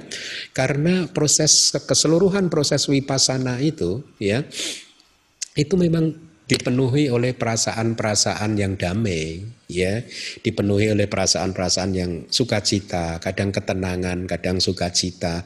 Tetapi perasaan-perasaan yang uh, mungkin kalau memakai istilah suta ini adalah kadang perasaan suka, kadang perasaan ah, duka masuka, tetapi dia adalah perasaan yang benar-benar spiritual, berbeda dengan perasaan suka dan ah, duka masuka di kehidupan sehari-hari. Mereka tahu persis kenapa mereka harus terus berlatih ya sampai mencapai maga dan pala. Ya, mereka tidak akan per, pernah berhenti untuk uh, uh, melanjutkan latihannya hingga mencapai maga dan pala begitu. Nah, itu uh, cara untuk uh, bagaimana memotivasi diri kita sendiri untuk terus istilahnya uh, berjuang untuk bisa mencapai nibana. Nah, jadi sulit untuk mendeskripsikan nibana karena ketika dideskripsikan kita harus menggunakan kata-kata, sementara semua kata-kata itu adalah dibentuk dari melalui pengalaman panca indera. Anda bisa mengatakan ini rasa manis karena ada pengalaman di lidah Anda, ini pahit karena ada lidah Anda, ya. Kemudian ini merah, ini hijau karena ada pengalaman di indera mata Anda dan lain sebagainya. Sementara nibana adalah pengalaman di luar indera-indera itu tadi. Makanya di kitab komentar diberikan satu contoh tentang ikan dan kura-kura ya. Jadi diceritakan begini, di satu danau yang jernih hiduplah dua binatang yang bersahabat sejak kecil ya. Mereka adalah seekor ikan dan seekor eh, kura-kura uh, begitu ya. Nah mereka setiap hari berenang bersama-sama di danau tersebut. Sampai suatu hari minggu yang cerah itu si kura-kura minta izin kepada sang si ikan. Dia ingin berjalan-jalan di daratan ya si ikan mengizinkan dia untuk berjalan-jalan di daratan ya dan ikan tidak bisa mengikuti karena dia tidak bisa berjalan di daratan ya. Singkat cerita eh, kura-kura keluar dari danau dan berjalan di daratan menikmati daratan dari pagi sampai sore gitu Ketika sore hari dia sudah puas menikmati daratan, dia masuk uh, sebelum matahari tenggelam, dia masuk ke danau menemui ikan sahabatnya. Sang ikan ketika melihat kura-kuranya, dia segera menyambut dengan mata berbinar-binar karena sudah beberapa jam tidak bertemu, dia kangen begitu. Dan kemudian dia menanyakan pengalaman kura-kura di daratan. Bagaimana pengalaman kamu di daratan? Airnya lebih jernih mana? Air di daratan sini atau air di dan uh, air di daratan sana atau air di danau sini? Lebih jernih mana? Lebih sejuk mana? Gitu. Sang kura-kura menjawab di daratan tidak ada air ikan gitu. Si ikan tidak percaya. Singkat cerita sampai akhir hayatnya dia tidak percaya bahwa ada satu uh, tempat di mana tidak ada air. Dia tetap ngeyel gitu istilahnya. Mana ada tempat di muka bumi ini yang enggak ada air? Semua tempat ya pasti harus ada airnya gitu. Si kura-kura menjelaskan tetapi sia-sia saja karena karena ikan tetap saja tidak percaya bahwa daratan itu hanya berisi tanah, tidak ada airnya, ya. Nah, sulit buat ikan untuk memahami ada satu tempat yang disebut daratan yang sama sekali tidak ada air karena semua indera-indera dia hanya terserap di air. Jadi pengalaman yang tidak pernah dirasakan oleh panca inderanya itu benar-benar di luar nalar dia, di luar pemahaman dia. Itulah mengapa mendeskripsikan nibana itu sangat sulit sekali. Ya, karena tidak ada kata-kata yang tepat untuk mendeskripsikannya. Paling ya seperti yang Arya Sariputa tadi, ya Ya memang nibana tidak ada perasaan, justru karena tidak ada perasaan maka itulah kebahagiaan. Atau mungkin dideskripsikan nibana itu sebagai roga kayak dosa, kayak moha, kayak Nibana adalah tempat di mana roga itu hancur. roga itu adalah uh, raga, raga sorry bukan raga kayak raga itu adalah nafsu. Nibana adalah tempat di mana nafsu hancur, di mana kebencian hancur, di mana delusi hancur. Ya, jadi nibana adalah tempat di mana tidak ada loba, dosa, no, uh, moha. Ya. Jadi kira-kira demikian Bapak mudah-mudahan jawaban saya cukup jelas ya. Terima kasih. Terima kasih Bante atas penjelasannya. Selanjutnya kesempatan penanya diberikan kepada saudara Reynaldo. Kepada saudara Reynaldo kami persilakan. Nama budaya Bante. Nam, ya, nama budaya. Bertanya, salah satu teman saya pernah berkata bahwa kita harus membina diri keluar, membantu orang lain, dan ke dalam, mengikis kilesa. Dua-duanya harus dilakukan, baru seseorang dapat mencapai kesucian. Menurut yang saya pelajari berdasarkan apa yang telah Bante jelaskan, kita harus membina ke dalam, baru kemudian membina keluar, membantu orang lain. Apakah menurut Bante pandangan ini benar? Kemudian Bante. Baik, terima kasih Saudara Renaldo ya. ya, memang eh, kalau menurut ajaran tradisi Theravada, kita memang harus berjuang untuk menghancurkan kilesa terlebih dahulu. Ya, itu tugas kita. Ya, eh, setelah kita menghancurkan kilesa, baru kita keluar untuk menolong orang lain. Makanya di Sutta Buddha mengatakan, seseorang yang masih tenggelam di dalam lumpur tidak akan bisa menolong orang lain yang juga tenggelam di dalam lumpur. Ya, jadi memang tugas atau dari tradisi Theravada mendorong semua murid-murid Buddha untuk menghancurkan kilesa terlebih dahulu, baru uh, kemudian uh, keluar untuk menolong eh, makhluk-makhluk uh, lain. Ceritanya persis seperti ketika Buddha mengirimkan murid-muridnya uh, untuk melakukan apa uh, missionary works yang pertama, mengirimkan uh, berapa ya, hmm, 60 arahat ya untuk keluar membabarkan dhamma begitu ya karena mereka adalah uh, adalah orang-orang yang sudah uh, bebas dari kilesa ya.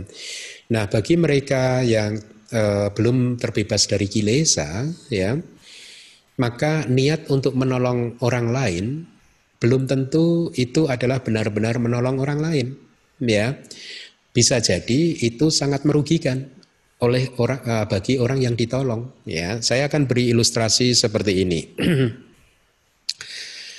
uh, pada suatu hari ada dua uh, satu orang anak muda melihat ada satu uh, kepompong ya yang bakal jadi kupu-kupu itu sedang berjuang untuk keluar dari cangkangnya gitu ya. Keluar dari apa itu? Cangkang lah katakanlah begitu ya yang membelit dia gitu. Dia berjuang squeezing herself himself gitu uh, untuk bisa keluar dari uh, apa itu namanya itu cangkang atau apa ya gitu. Nah si anak muda ini merasa kasihan ya. Merasa kasihan dan tidak tega terhadap uh, kepompong tadi ya yang akan jadi kupu-kupu. Dia harus berjuang keras uh, kayak meng-squeeze dirinya sendiri begitu. Uh, pelan-pelan keluar dan menurut anak muda ini dia benar-benar menderita dalam usahanya untuk bisa keluar dari uh, cangkang kepompong tadi gitu. Nah akhirnya dia merasa kasihan ya uh, tidak tega ingin menolong kepompong tadi. Dia pulang ke rumah dia ambil gunting ya dia ambil gunting kemudian dia kembali ke tempat di mana kepompong itu berada, cangkangnya digunting sama dia dengan tujuan yang baik. Tujuannya baik, ya ingin membantu kepompong supaya tidak menderita untuk bisa keluar dari cangkangnya. Singkat cerita akhirnya si kepompong benar-benar terbebas dari cangkangnya itu. Mungkin istilah cangkang salah dimaafkan karena saya tidak tahu istilahnya. Tapi Anda paham yang saya maksudkan ya yaitu uh, yang membungkus badan kepompong itu tadi. Singkat cerita dia gunting dan akhirnya si kepompong tadi itu keluar. Bisa keluar dari ya, bungkusannya itu tadi. Apa yang terjadi? Beberapa jam kemudian kepompong tersebut mati. Kenapa dia mati? Karena dia keluar secara tidak alamiah. Tidak alamiah kenapa? Karena dipaksa, digunting tadi sehingga ketika dia keluar tubuhnya masih basah semua.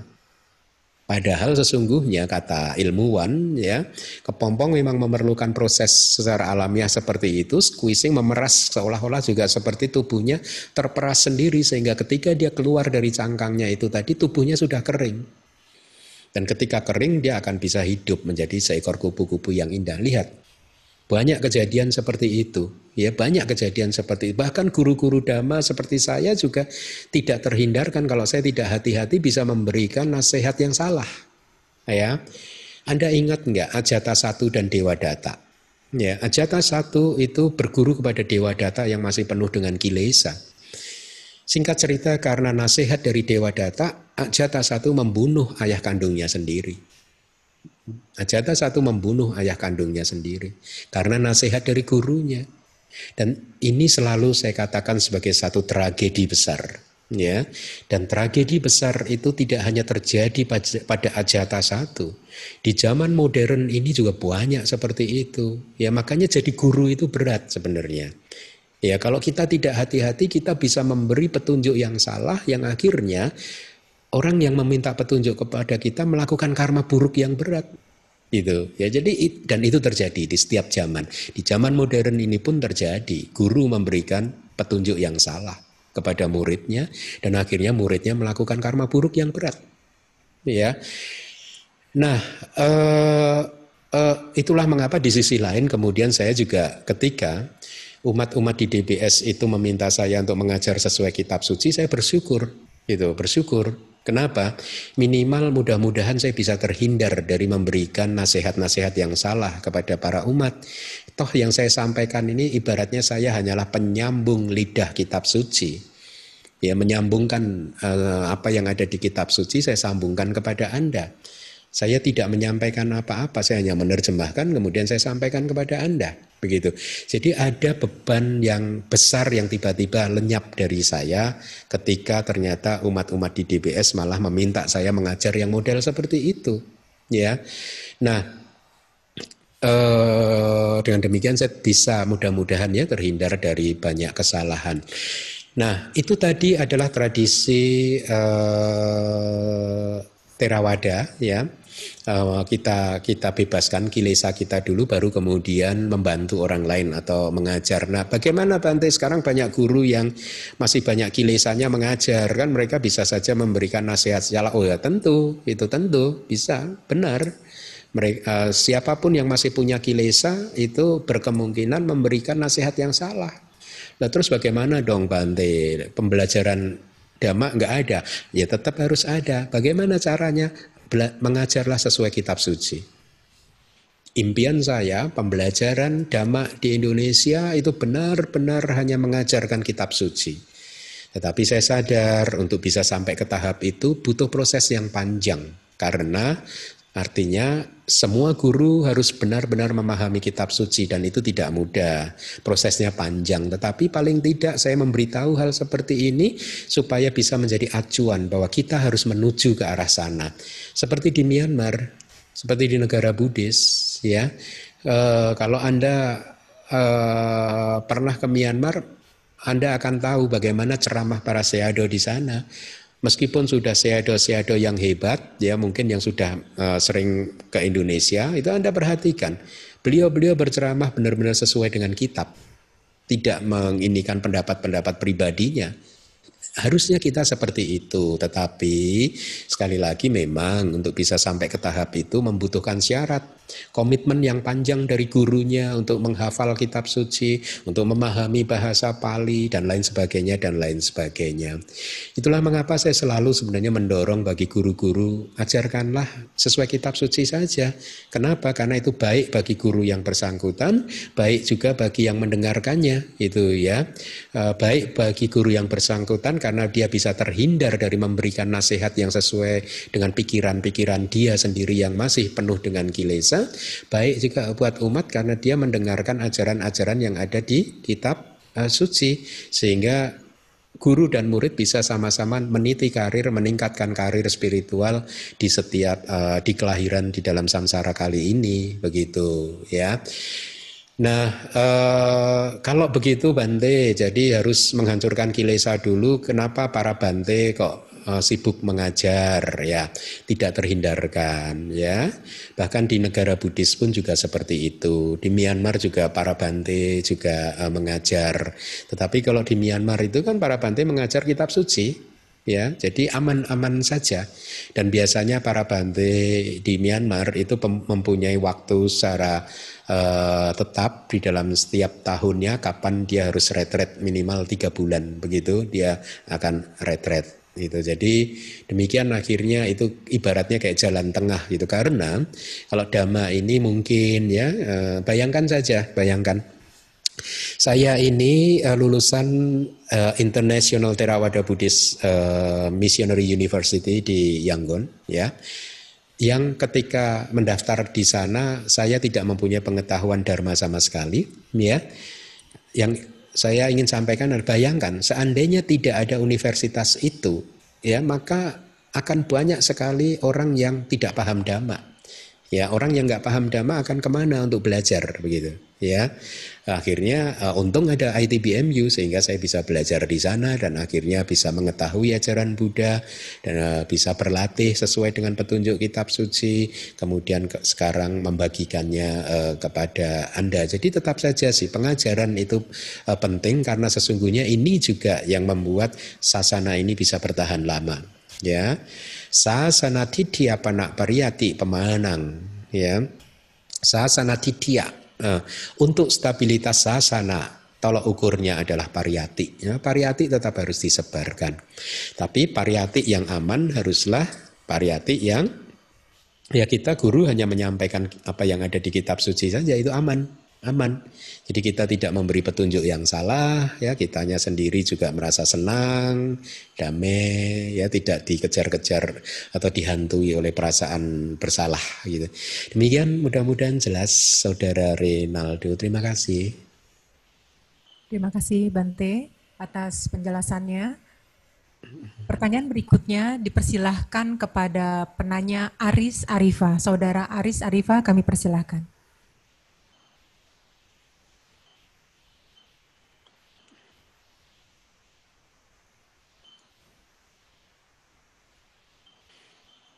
Saudara Aris Harifah, kami persilahkan.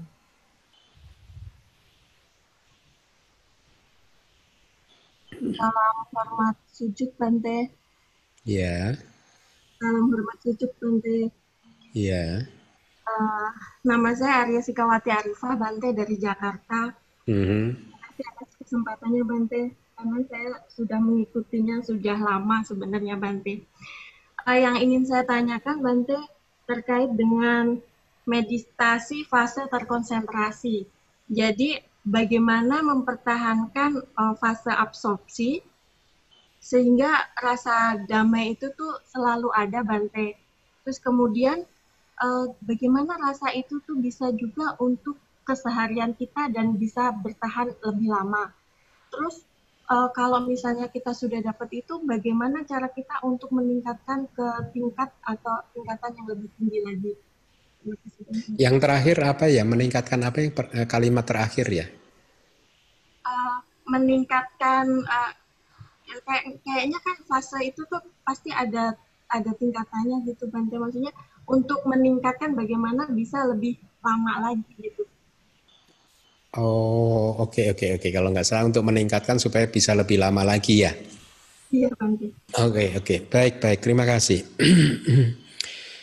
Pada hakikatnya meditasi itu adalah uh, melepas ya, letting go off gitu.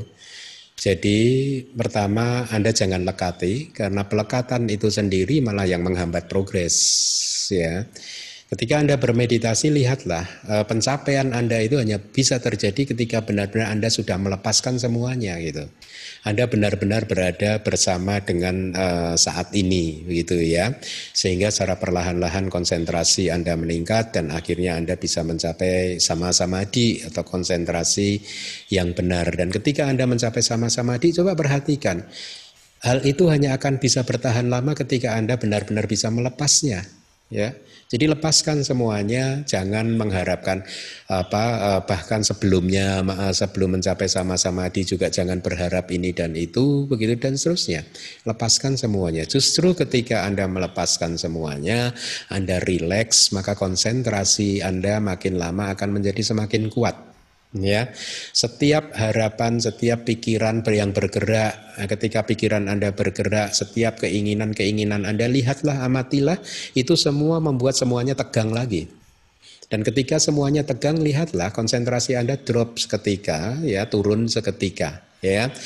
Dan uh, jadi Anda pelajari itu semua. Oh, ternyata ketika saya itu penuh dengan keinginan ya atau bahkan penuh dengan harapan semoga ini tidak berlangsung singkat, semoga ini tidak hilang dan lain sebagainya, itu semua malah mengganggu meditasi Anda. Justru ketika Anda itu benar-benar melepaskannya, rileks, mengamati objek meditasi, semuanya bisa berkembang dengan baik, ya, eh, bisa tumbuh dengan baik gitu.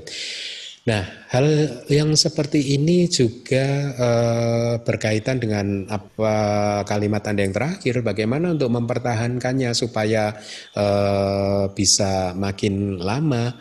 Ya, kembali lagi, Anda harus benar-benar berada bersama dengan objek dan tetapi dengan sikap uh, attitude-nya adalah relax, melepaskan semuanya gitu. Artinya melepaskan itu ya yang ada di pikiran itu ya hanya objek, yang ada di dalam perhatian itu ya hanya ada objek gitu ya uh, objek dari meditasi anda. Gitu. Nah uh, itu yang sebaiknya anda lakukan di dalam semua proses karena karena uh, dari pengalaman saya dan uh, menurut pendapat saya semua masing-masing individu itu unik dia mempunyai ininya sendiri begitu ya. Oleh karena itu Anda harus benar-benar mengamati apa yang saya sampaikan tadi. Ya, Anda harus hafalkan bagaimana atau kondisi yang seperti apa yang membuat konsentrasi Anda menguat, kondisi seperti apa yang membuat konsentrasi Anda melemah. Karena ini lebih ke sikap mental sih, cara Anda e, mengamati objek atau sikap Anda terhadap pengalaman-pengalaman meditasi Anda itu yang akan e, mempengaruhi berhasil atau tidaknya meditasi Anda. Jadi intinya poinnya adalah e, letting go, lepaskan saja ya E, kalau ini berjalan dengan baik ya Anda bersyukur, kalau ini tidak berjalan dengan baik ya Anda bersyukur. Ya, ketika Anda mencapai konsentrasi yang benar, maka Anda berada di sana. Kalau jangan berpikir ini harus bertahan lama, jangan berpikir ini juga harus bertahan sebentar. Apa pun yang terjadi Anda terima dengan lapang dada. Nah, sikap yang seperti ini adalah sangat dibutuhkan ketika siapa pun sebenarnya bermeditasi ya e, demikian mudah-mudahan menjawab. Dan kemudian saya sarankan ikutlah retret yang panjang saudari siapa tadi. Saya sangat menyarankan ikut retret yang panjang ya. E, kalau di Indonesia ya Anda cari eh, center mana yang mengajarkan sesuai dengan meditasi yang sudah Anda praktekkan, mengajarkan dengan objek yang sudah Anda praktekkan, E, kemudian cobalah ikut retret. Kalau nggak ada pandemi begini, sesungguhnya di luar negeri, di Myanmar itu banyak e, pusat-pusat meditasi yang bisa e, yang menerima yogi-yogi untuk bermeditasi sampai bertahun-tahun, begitu ya.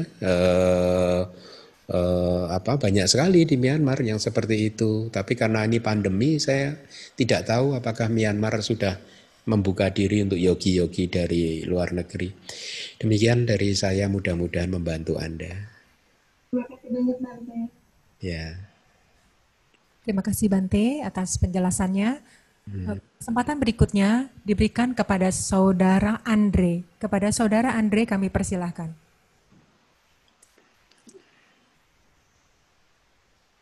Menami Bante. Perkenalkan, uh, aku Andre sama mungkin hari ini aku mau nanya sedikit mengenai hmm, keseharian, uh, lebih ke arah perasaan duka. Di saat perasaan duka, di saat perasaan duka muncul, uh, dapat dirasakan uh, kita sudah ber, kita sudah melakukan pemikiran bahwa uh, anicca ini hal tersebut tidak berlangsung selamanya. Tapi karena kita memperhatikan hal tersebut, ada satu bentuk perasaan yang tidak nyaman, terutama uh, di di dalam batin, di dalam da daerah dada seperti itu. Nah, uh, mungkin pertanyaan saya lebih ke arah apa yang harus dilakukan jika uh, perasaan tersebut muncul, Bante. Terima kasih, Bante. Iya, uh, baik Andre. Uh, ada banyak cara ya.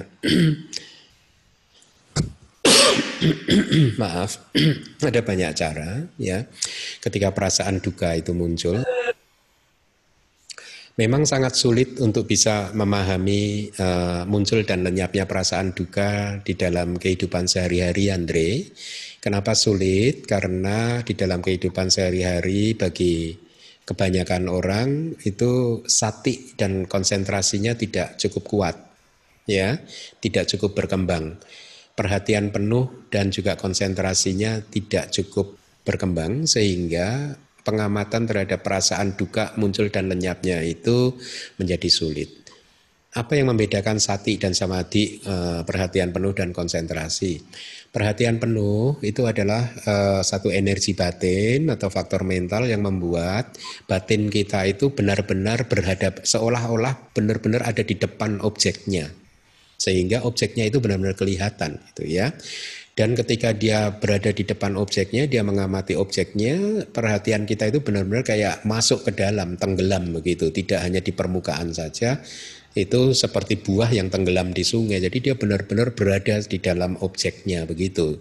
Sehingga kadang kalau ketika seseorang itu retret, itu kadang dia sudah uh, sulit untuk membedakan antara objek dan perhatian penuh karena seolah-olah sudah bersatu gitu. Ya. Nah, itu kualitas dari perhatian penuh atau sati atau mindfulness. Yang baik harusnya seperti itu.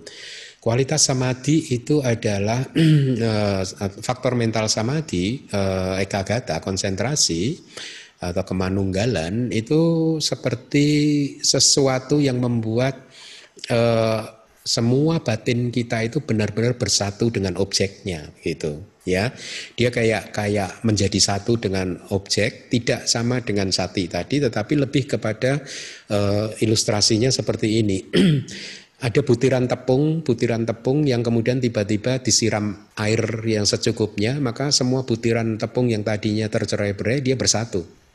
Nah, itu konsentrasi. Dengan kata lain, ketika konsentrasi itu sudah seperti itu, maka objeknya itu tidak lepas tidak gampang lepas. Sehingga karena tidak lepas seperti seolah-olah objeknya itu apa uh, menyatu ya uh, dengan demikian pengamatan menjadi jelas ya. Nah tetapi di dalam pengamatan anicca ya tidak kekal menjadi jelas. Tapi di dalam kehidupan sehari-hari kebanyakan orang yang belum terampil uh, atau sati dan samatinya belum sering dikembangkan dia uh, mereka akan kesulitan untuk mengamati itu. Oleh karena itulah ya uh, cara lain untuk mengatasi uh, perasaan duka yang muncul yaitu ada banyak cara. Salah satu cara yang paling mudah adalah diganti objeknya ya. Objeknya diganti. Artinya dengan bahasa sehari-hari jangan dipikirkan terlebih dahulu. Karena perasaan duka itu muncul hanya ketika dia memikirkan satu hal tertentu ya misalkan nih seseorang eh, atau anak muda diputus pacarnya ya. Ketika sudah putus pacaran ketika memikirkan pacarnya mungkin perasaan duka akan selalu muncul. Nah oleh karena itu pikir, diganti objeknya. Jangan mikirin sesuatu yang bisa membuat perasaan duka itu muncul begitu ya. Di dalam kitab komentar diberi ilustrasi seperti ini Andre Ibaratnya kalau kita tahu bahwa kita berjalan ke arah sebelah kanan, di sana ada ular yang berbisa, maka ya kita jangan coba-coba berjalan belok kanan. Ya, kita harus berjalan lurus atau ke arah yang lain selain arah yang belok kanan tadi. Kenapa? Karena belok kanan sudah jelas kita tahu di sana ada ular berbisa dan risikonya adalah nyawa kita. Maka jangan coba-coba ke sana kalau nggak mau sakit gitu. Kita ambil jalan yang lain. Nah, ketika kita tahu bahwa ketika batin ini sedang memikirkan sesuatu tertentu, perasaan duka muncul, ya jangan dipikirkan. Jangan dipikirkan, ya. Pikirkan yang lain. Dalam kehidupan sehari-hari Anda bisa mengambil kegiatan-kegiatan yang lain gitu ya. Jadi harus disiplin, harus teguh gitu ya. Setiap kali pikiran itu muncul, objek pikiran itu muncul, singkirkan ganti yang lain singkirkan ganti yang lain muncul singkirkan lagi ganti yang lain muncul singkirkan lagi ganti yang lain Ya, lama-lama kamu akan terampil. Anda akan terampil untuk bisa menghalau objek tersebut. Nah, untuk tahapan yang awal, cara seperti ini sangat uh, bagus sekali, sangat dibutuhkan untuk tahapan yang awal. Ya, kenapa? Karena ketika Anda sudah bisa terampil untuk mengusir objek dan menggantinya dengan objek yang baru, paham ya? Maksudnya begini, ketika uh, oh, ketika saya memikirkan si A, saya sakit hati. Yes, untuk saat ini jangan dipikirkan. Ketika si, si A muncul dalam pikiran, ya harus diusir, diganti. Kita mikirin yang lain. Kita cari kegiatan yang lain supaya lupa dulu dengan si A, gitu ya. Nah, cara ini akan sangat bermanfaat ya eh, bagi kebanyakan orang. Kenapa? Karena kalau kita disiplin mengusir pikiran itu, nanti lama-lama si A itu sudah tidak menjadi menakutkan lagi, seolah-olah dalam tanda kutipnya, Andre, begitu. Ketika si A ini sudah tidak menakutkan lagi atau sudah tidak membuat kecewa lagi atau Anda, Andre sudah bisa menerima uh, si A ini dengan lapang dada, maka perasaan duka cita tidak muncul ya sehingga akan tiba satu masanya nanti Andre akan berterima kasih kepada objek A tadi. Oh saya berterima kasih uh, kepada objek tersebut. Seandainya dulu uh, tidak ada objek tersebut, maka hari ini saya tidak akan seperti hari eh, saya yang hari ini, begitu ya. Saya uh, saya tidak akan menjadi orang yang sebijaksana hari ini, atau bahkan mungkin saya tidak akan menjadi orang yang sesukses hari ini, begitu ya. Nah itu cara pertama, butuh kedisiplinan untuk mengusirnya. Ya jangan merasa bersalah. Oh kalau nggak ditangkap, nggak dipikirkan nanti nanti salah nggak? Enggak. Ya justru kalau dipikirkan itu salah karena ada dosa di sana. Ya dosa itu salah satu arti dosa itu juga kesalahan. Ya arti bahasa Pali dosa itu juga kesalahan artinya. di samping kemarahan, kebencian, Dosa juga berarti kesalahan gitu. Justru ketika tahu di sana ada ular kok kita masuk ke sana ya kita salah. Justru ketika kita tahu memikirkan si A akan muncul perasaan duka cita kok kita pikirkan ya kita ya salah gitu ya.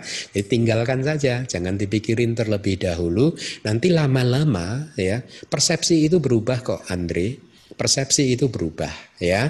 Saat ini perasaan duka cita itu muncul karena persepsi terhadap si A itu masih negatif.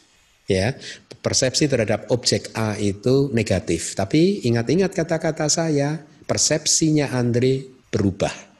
Hari ini masih menganggap objek itu negatif, tapi percayalah nanti suatu hari nanti Andre Anda akan menganggap objek itu positif. Ya.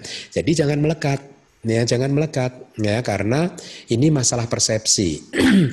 Atau dengan contoh yang lebih mudah begini Andre. Kalau Andre memakai kacamata yang lensanya hijau maka ke mana pun Andre melihat yang terlihat hanya pemandangan yang warnanya hijau. Tetapi ketika Andre merubah dengan menggantinya dengan kacamata yang lensanya berwarna merah, maka ke mana pun memandang, maka yang pemandangan yang terlihat hanyalah warna merah. Nah pertanyaannya coba Andri renungkan. Yang salah itu oh, yang salah itu dunia luar yang tampak hijau merah tadi atau kacamata kita.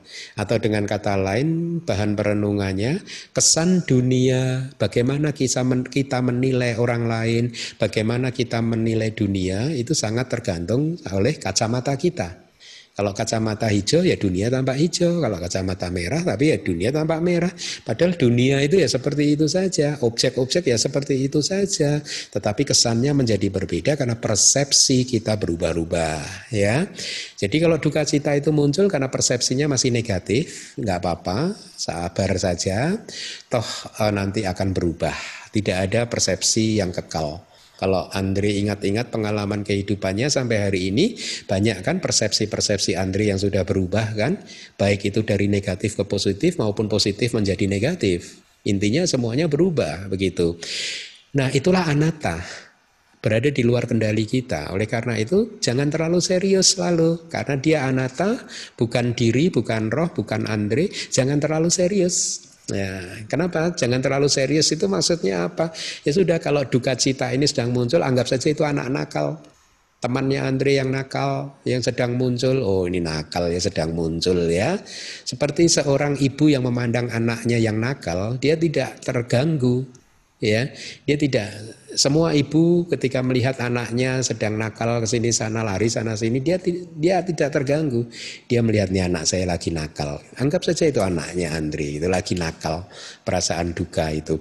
Nah ketika kita sudah bisa menyikapi itu dengan tidak serius ya tidak serius seperti itu tadi santai saja rileks saja maka beban itu menjadi ringan Andre ya Sebenarnya beban kehidupan, masalah kehidupan apa pun itu juga menjadi berat karena pikiran kita.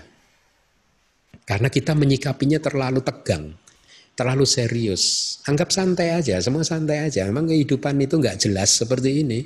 Anggap memang hidup itu nggak jelas. Kadang enak, kadang nggak enak.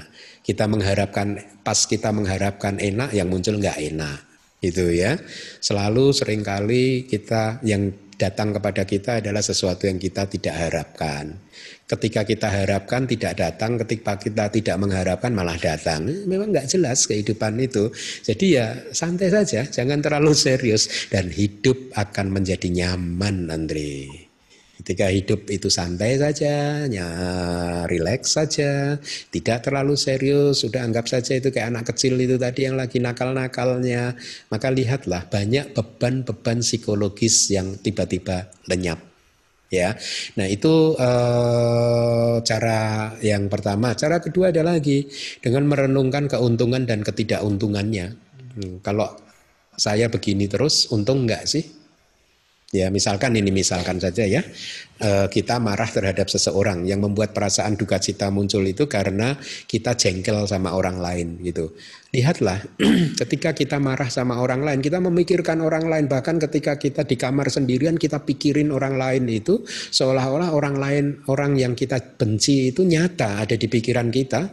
Dan seolah-olah kita ribut atau make apa ya, uh, bertengkar dengan orang tersebut di dalam pikiran kita mungkin maaf kita dalam tanda kutip maaf sekali lagi ya kalau ini terlalu kasar bahasanya memaki-maki orang tersebut di dalam pikiran kita.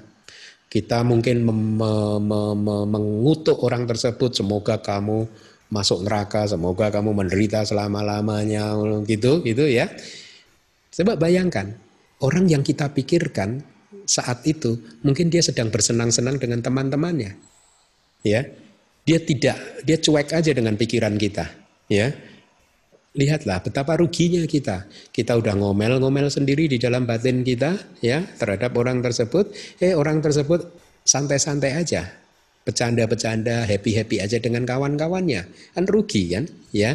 Jadi dengan merenungkan keuntungan dan kerugian dari hal-hal tersebut, maka akan membuat kebijaksanaan kita mudah untuk menentukan mana yang harus kita tempuh, jalur mana yang harus kita ambil begitu. Belok kanan, belok kiri atau lurus begitu ya.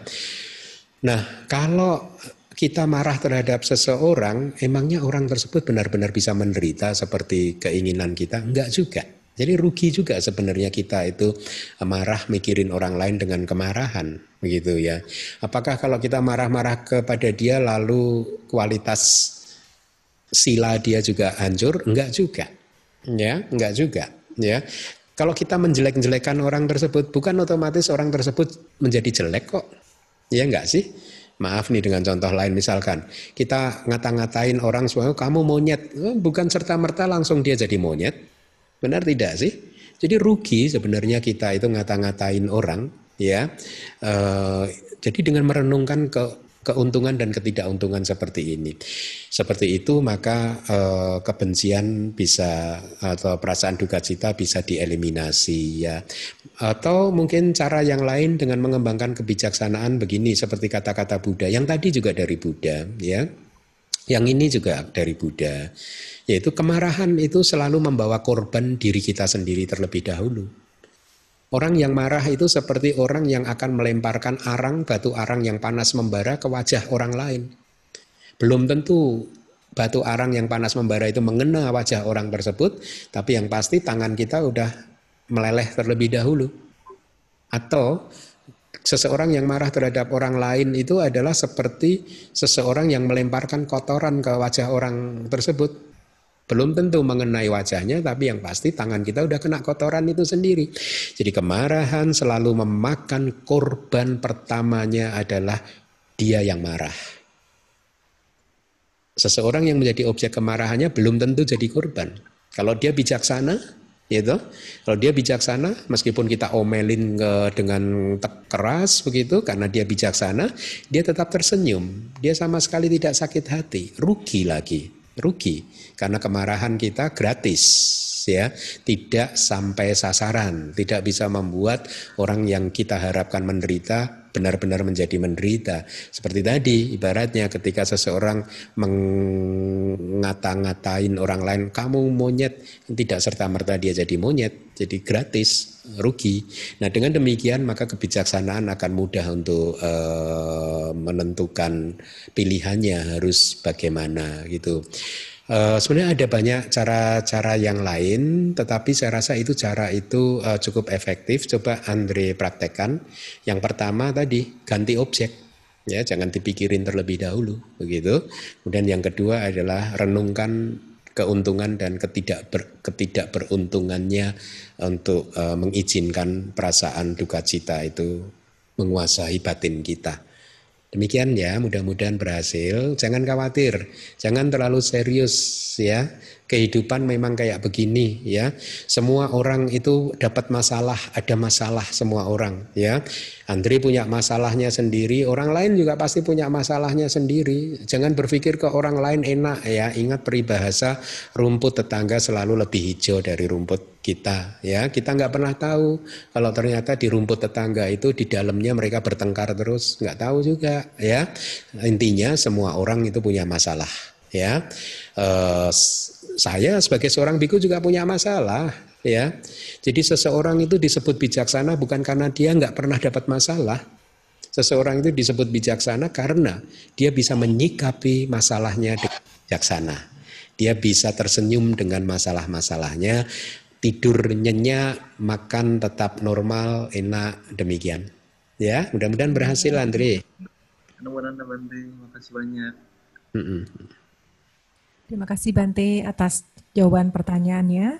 Hmm. Uh, sekarang pukul 10.38, apakah Bante berkenan untuk menjawab satu pertanyaan lagi ataukah selesai? Baik, satu pertanyaan. Baik Bante. Baik, uh, kesempatan terakhir penanya diberikan kepada saudara Teddy Tahir. Kepada saudara Teddy Tahir kami persilakan. Saya saat kita mengamati suka duka netral, perasaannya netral artinya uh, ini akan berlalu saat suka datang kita kita we just observe it we just observe. It jadi kita hanya melihat tidak tidak melekati. Ya kalau suka berarti kita bahagia kalau duka datang kita menderita kalau netral ya kita netral saja biasa. Nah pertanyaannya Bante bagaimana kita mengukur apakah tingkat kebijaksanaan kita itu telah meningkat? Karena kita sudah mengamati, kita lebih bijak, ataukah itu hanya suatu perasaan yang semu? Kita semakin bijaksana, tapi sebenarnya tidak ada. Lalu uh, berhubungan dengan pertanyaan itu, saya mau bertanya pertanyaan kedua, apakah apakah kita bisa berbagi dengan orang lain, misalnya uh, kita menganggap diri kita jauh lebih bijak ataupun kita memberikan nasihat kepada orang lain. Apakah itu dibenarkan, Pak Terima kasih. Hmm. Yang kedua mungkin Yulia karena kayak eh, kami dari ini tidak bisa mendengar suaranya karena banyak sekali echo. Apakah bisa diperjelas pertanyaan? Uh, pertanyaan keduanya itu adalah kita memberikan nasihat kepada orang lain. Ya uh, dengan keadaan kita yang seperti ini, apakah itu sesuatu hal yang dibenarkan ataukah itu bijak gitu, Bante? Iya, baik, baik. Yang pertama adalah uh, suka, duka, bukan duka dan bukan buka. Saya ingin terasi lagi begini. Tadi siapa saudara Teddy ya? Kok ada echo ya? Tes. Iya. Baik. Uh, jadi saya ilustrasikan seperti ini. Anda semua tahu putri malu kan? Ya. Putri malu itu uh, daunnya ketika belum disentuh dia mekar. Ya. Tetapi ketika kita sentuh tiba-tiba daunnya kuncup. Ya. Nah, pengamatan perasaan suka, duka dan duka itu uh, diilustrasikan seperti itu. Pengamatan kita benar-benar harus sati kita itu benar-benar harus menyentuh objeknya, seolah-olah menyentuh objeknya.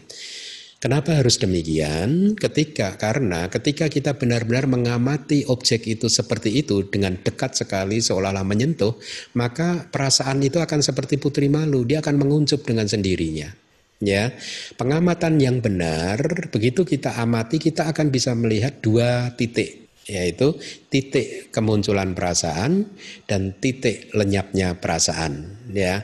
Bahkan kalau anda bermeditasi ya ketika Anda merealisasi pengetahuan wipasana misalkan eh, sama sana nyana itu Anda bisa melihat tidak hanya kemunculan dari fenomena mental ataupun eh, khususnya mental tapi juga kelangsungannya juga kelenyapannya. Jadi ada muncul langsung eh, berlangsung sesaat kemudian lenyap. Tapi di dalam kehidupan sehari-hari agak sulit mengamatinya karena sati dan konsentrasi kebijaksanaan kadang juga di, belum berkembang secara belum dikembangkan secara penuh gitu.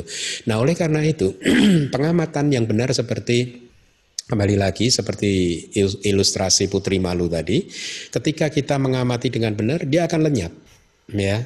Jadi ini tidak hanya menyangkut atau berkaitan dengan perasaan duka saja yang harus kita lenyapkan. Semua perasaan, apa pun itu juga, semua fenomena mental, ya, apa pun yang muncul harus kita amati sehingga kita bisa melihat muncul dan lenyapnya, begitu, ya. Nah, untuk bisa mengamati yang eh, seperti itu, ya, maka eh, sekali lagi sebenarnya teori itu penting, ya, teori itu penting karena teori itu peta Eh, peta spiritual. Bagaimana kita bisa mengerti bahwa perasaan muncul dan lenyap apabila kita tidak bisa membedakan antara perasaan, persepsi dan juga faktor-faktor mental yang lain gitu ya. Kalau di buku Abidama manual Abidama jilid 2 kalau tidak salah kalau tidak salah di buku jilid kedua ya saya menggunakan perumpamaan 50 uh, berapa Eh, kelereng yang berwarna-warni katakanlah ada 38 33 kelereng yang berwarna-warni begitu ya. Uh, kita bisa mengetahui ada kelereng yang berbeda warna karena ada pengetahuan ya tetapi kalau tidak ada pengetahuan maka kita juga tidak bisa mengatakan bahwa kelereng itu berwarna-warni gitu ya. Nah, untuk bisa mendapatkan data tentang kelereng-kelereng tadi itu itu makanya kembali lagi eh, eh, teori ajaran yang ada di dalam kitab suci itu penting. Karena dari sana kita bisa membedakan antara perasaan dan persepsi tidak mencampur adukkannya bahwa perasaan dan persepsi itu dua hal yang berbeda. Kemudian juga ada lagi kehendak atau cetana itu juga dua hal yang berbeda ya. Kemudian juga ada lagi kontak seperti yang tadi disampaikan itu juga adalah fenomena yang berbeda lagi. Ada 52 fenomena mental plus kesadaran berarti 53 fenomena mental yang harus kita pahami ciri karakteristiknya perbedaannya. Nah, karena kalau kita tidak memahami ciri karakteristik perbedaannya, kita akan menyatukannya, dianggapnya sama begitu ya. Itulah mengapa eh, kita masih uh, seseorang yang masih belum berhasil memecah-mecah fenomena ini akan sulit untuk bisa melihat bahwa segala sesuatu itu anicca, dukkha dan anatta. Karena untuk bisa melihat dengan jelas semua itu anicca, dukkha dan anatta, kita harus mampu memecah-mecahnya fenomena itu sampai ke unsur-unsurnya yang terkecil ya dengan demikian akan kelihatan muncul dan lenyapnya. Nah, dalam praktek sehari-hari dalam kehidupan sehari-hari ya pertama Anda sekarang harus pahami dulu ada tiga jenis perasaan itu tadi.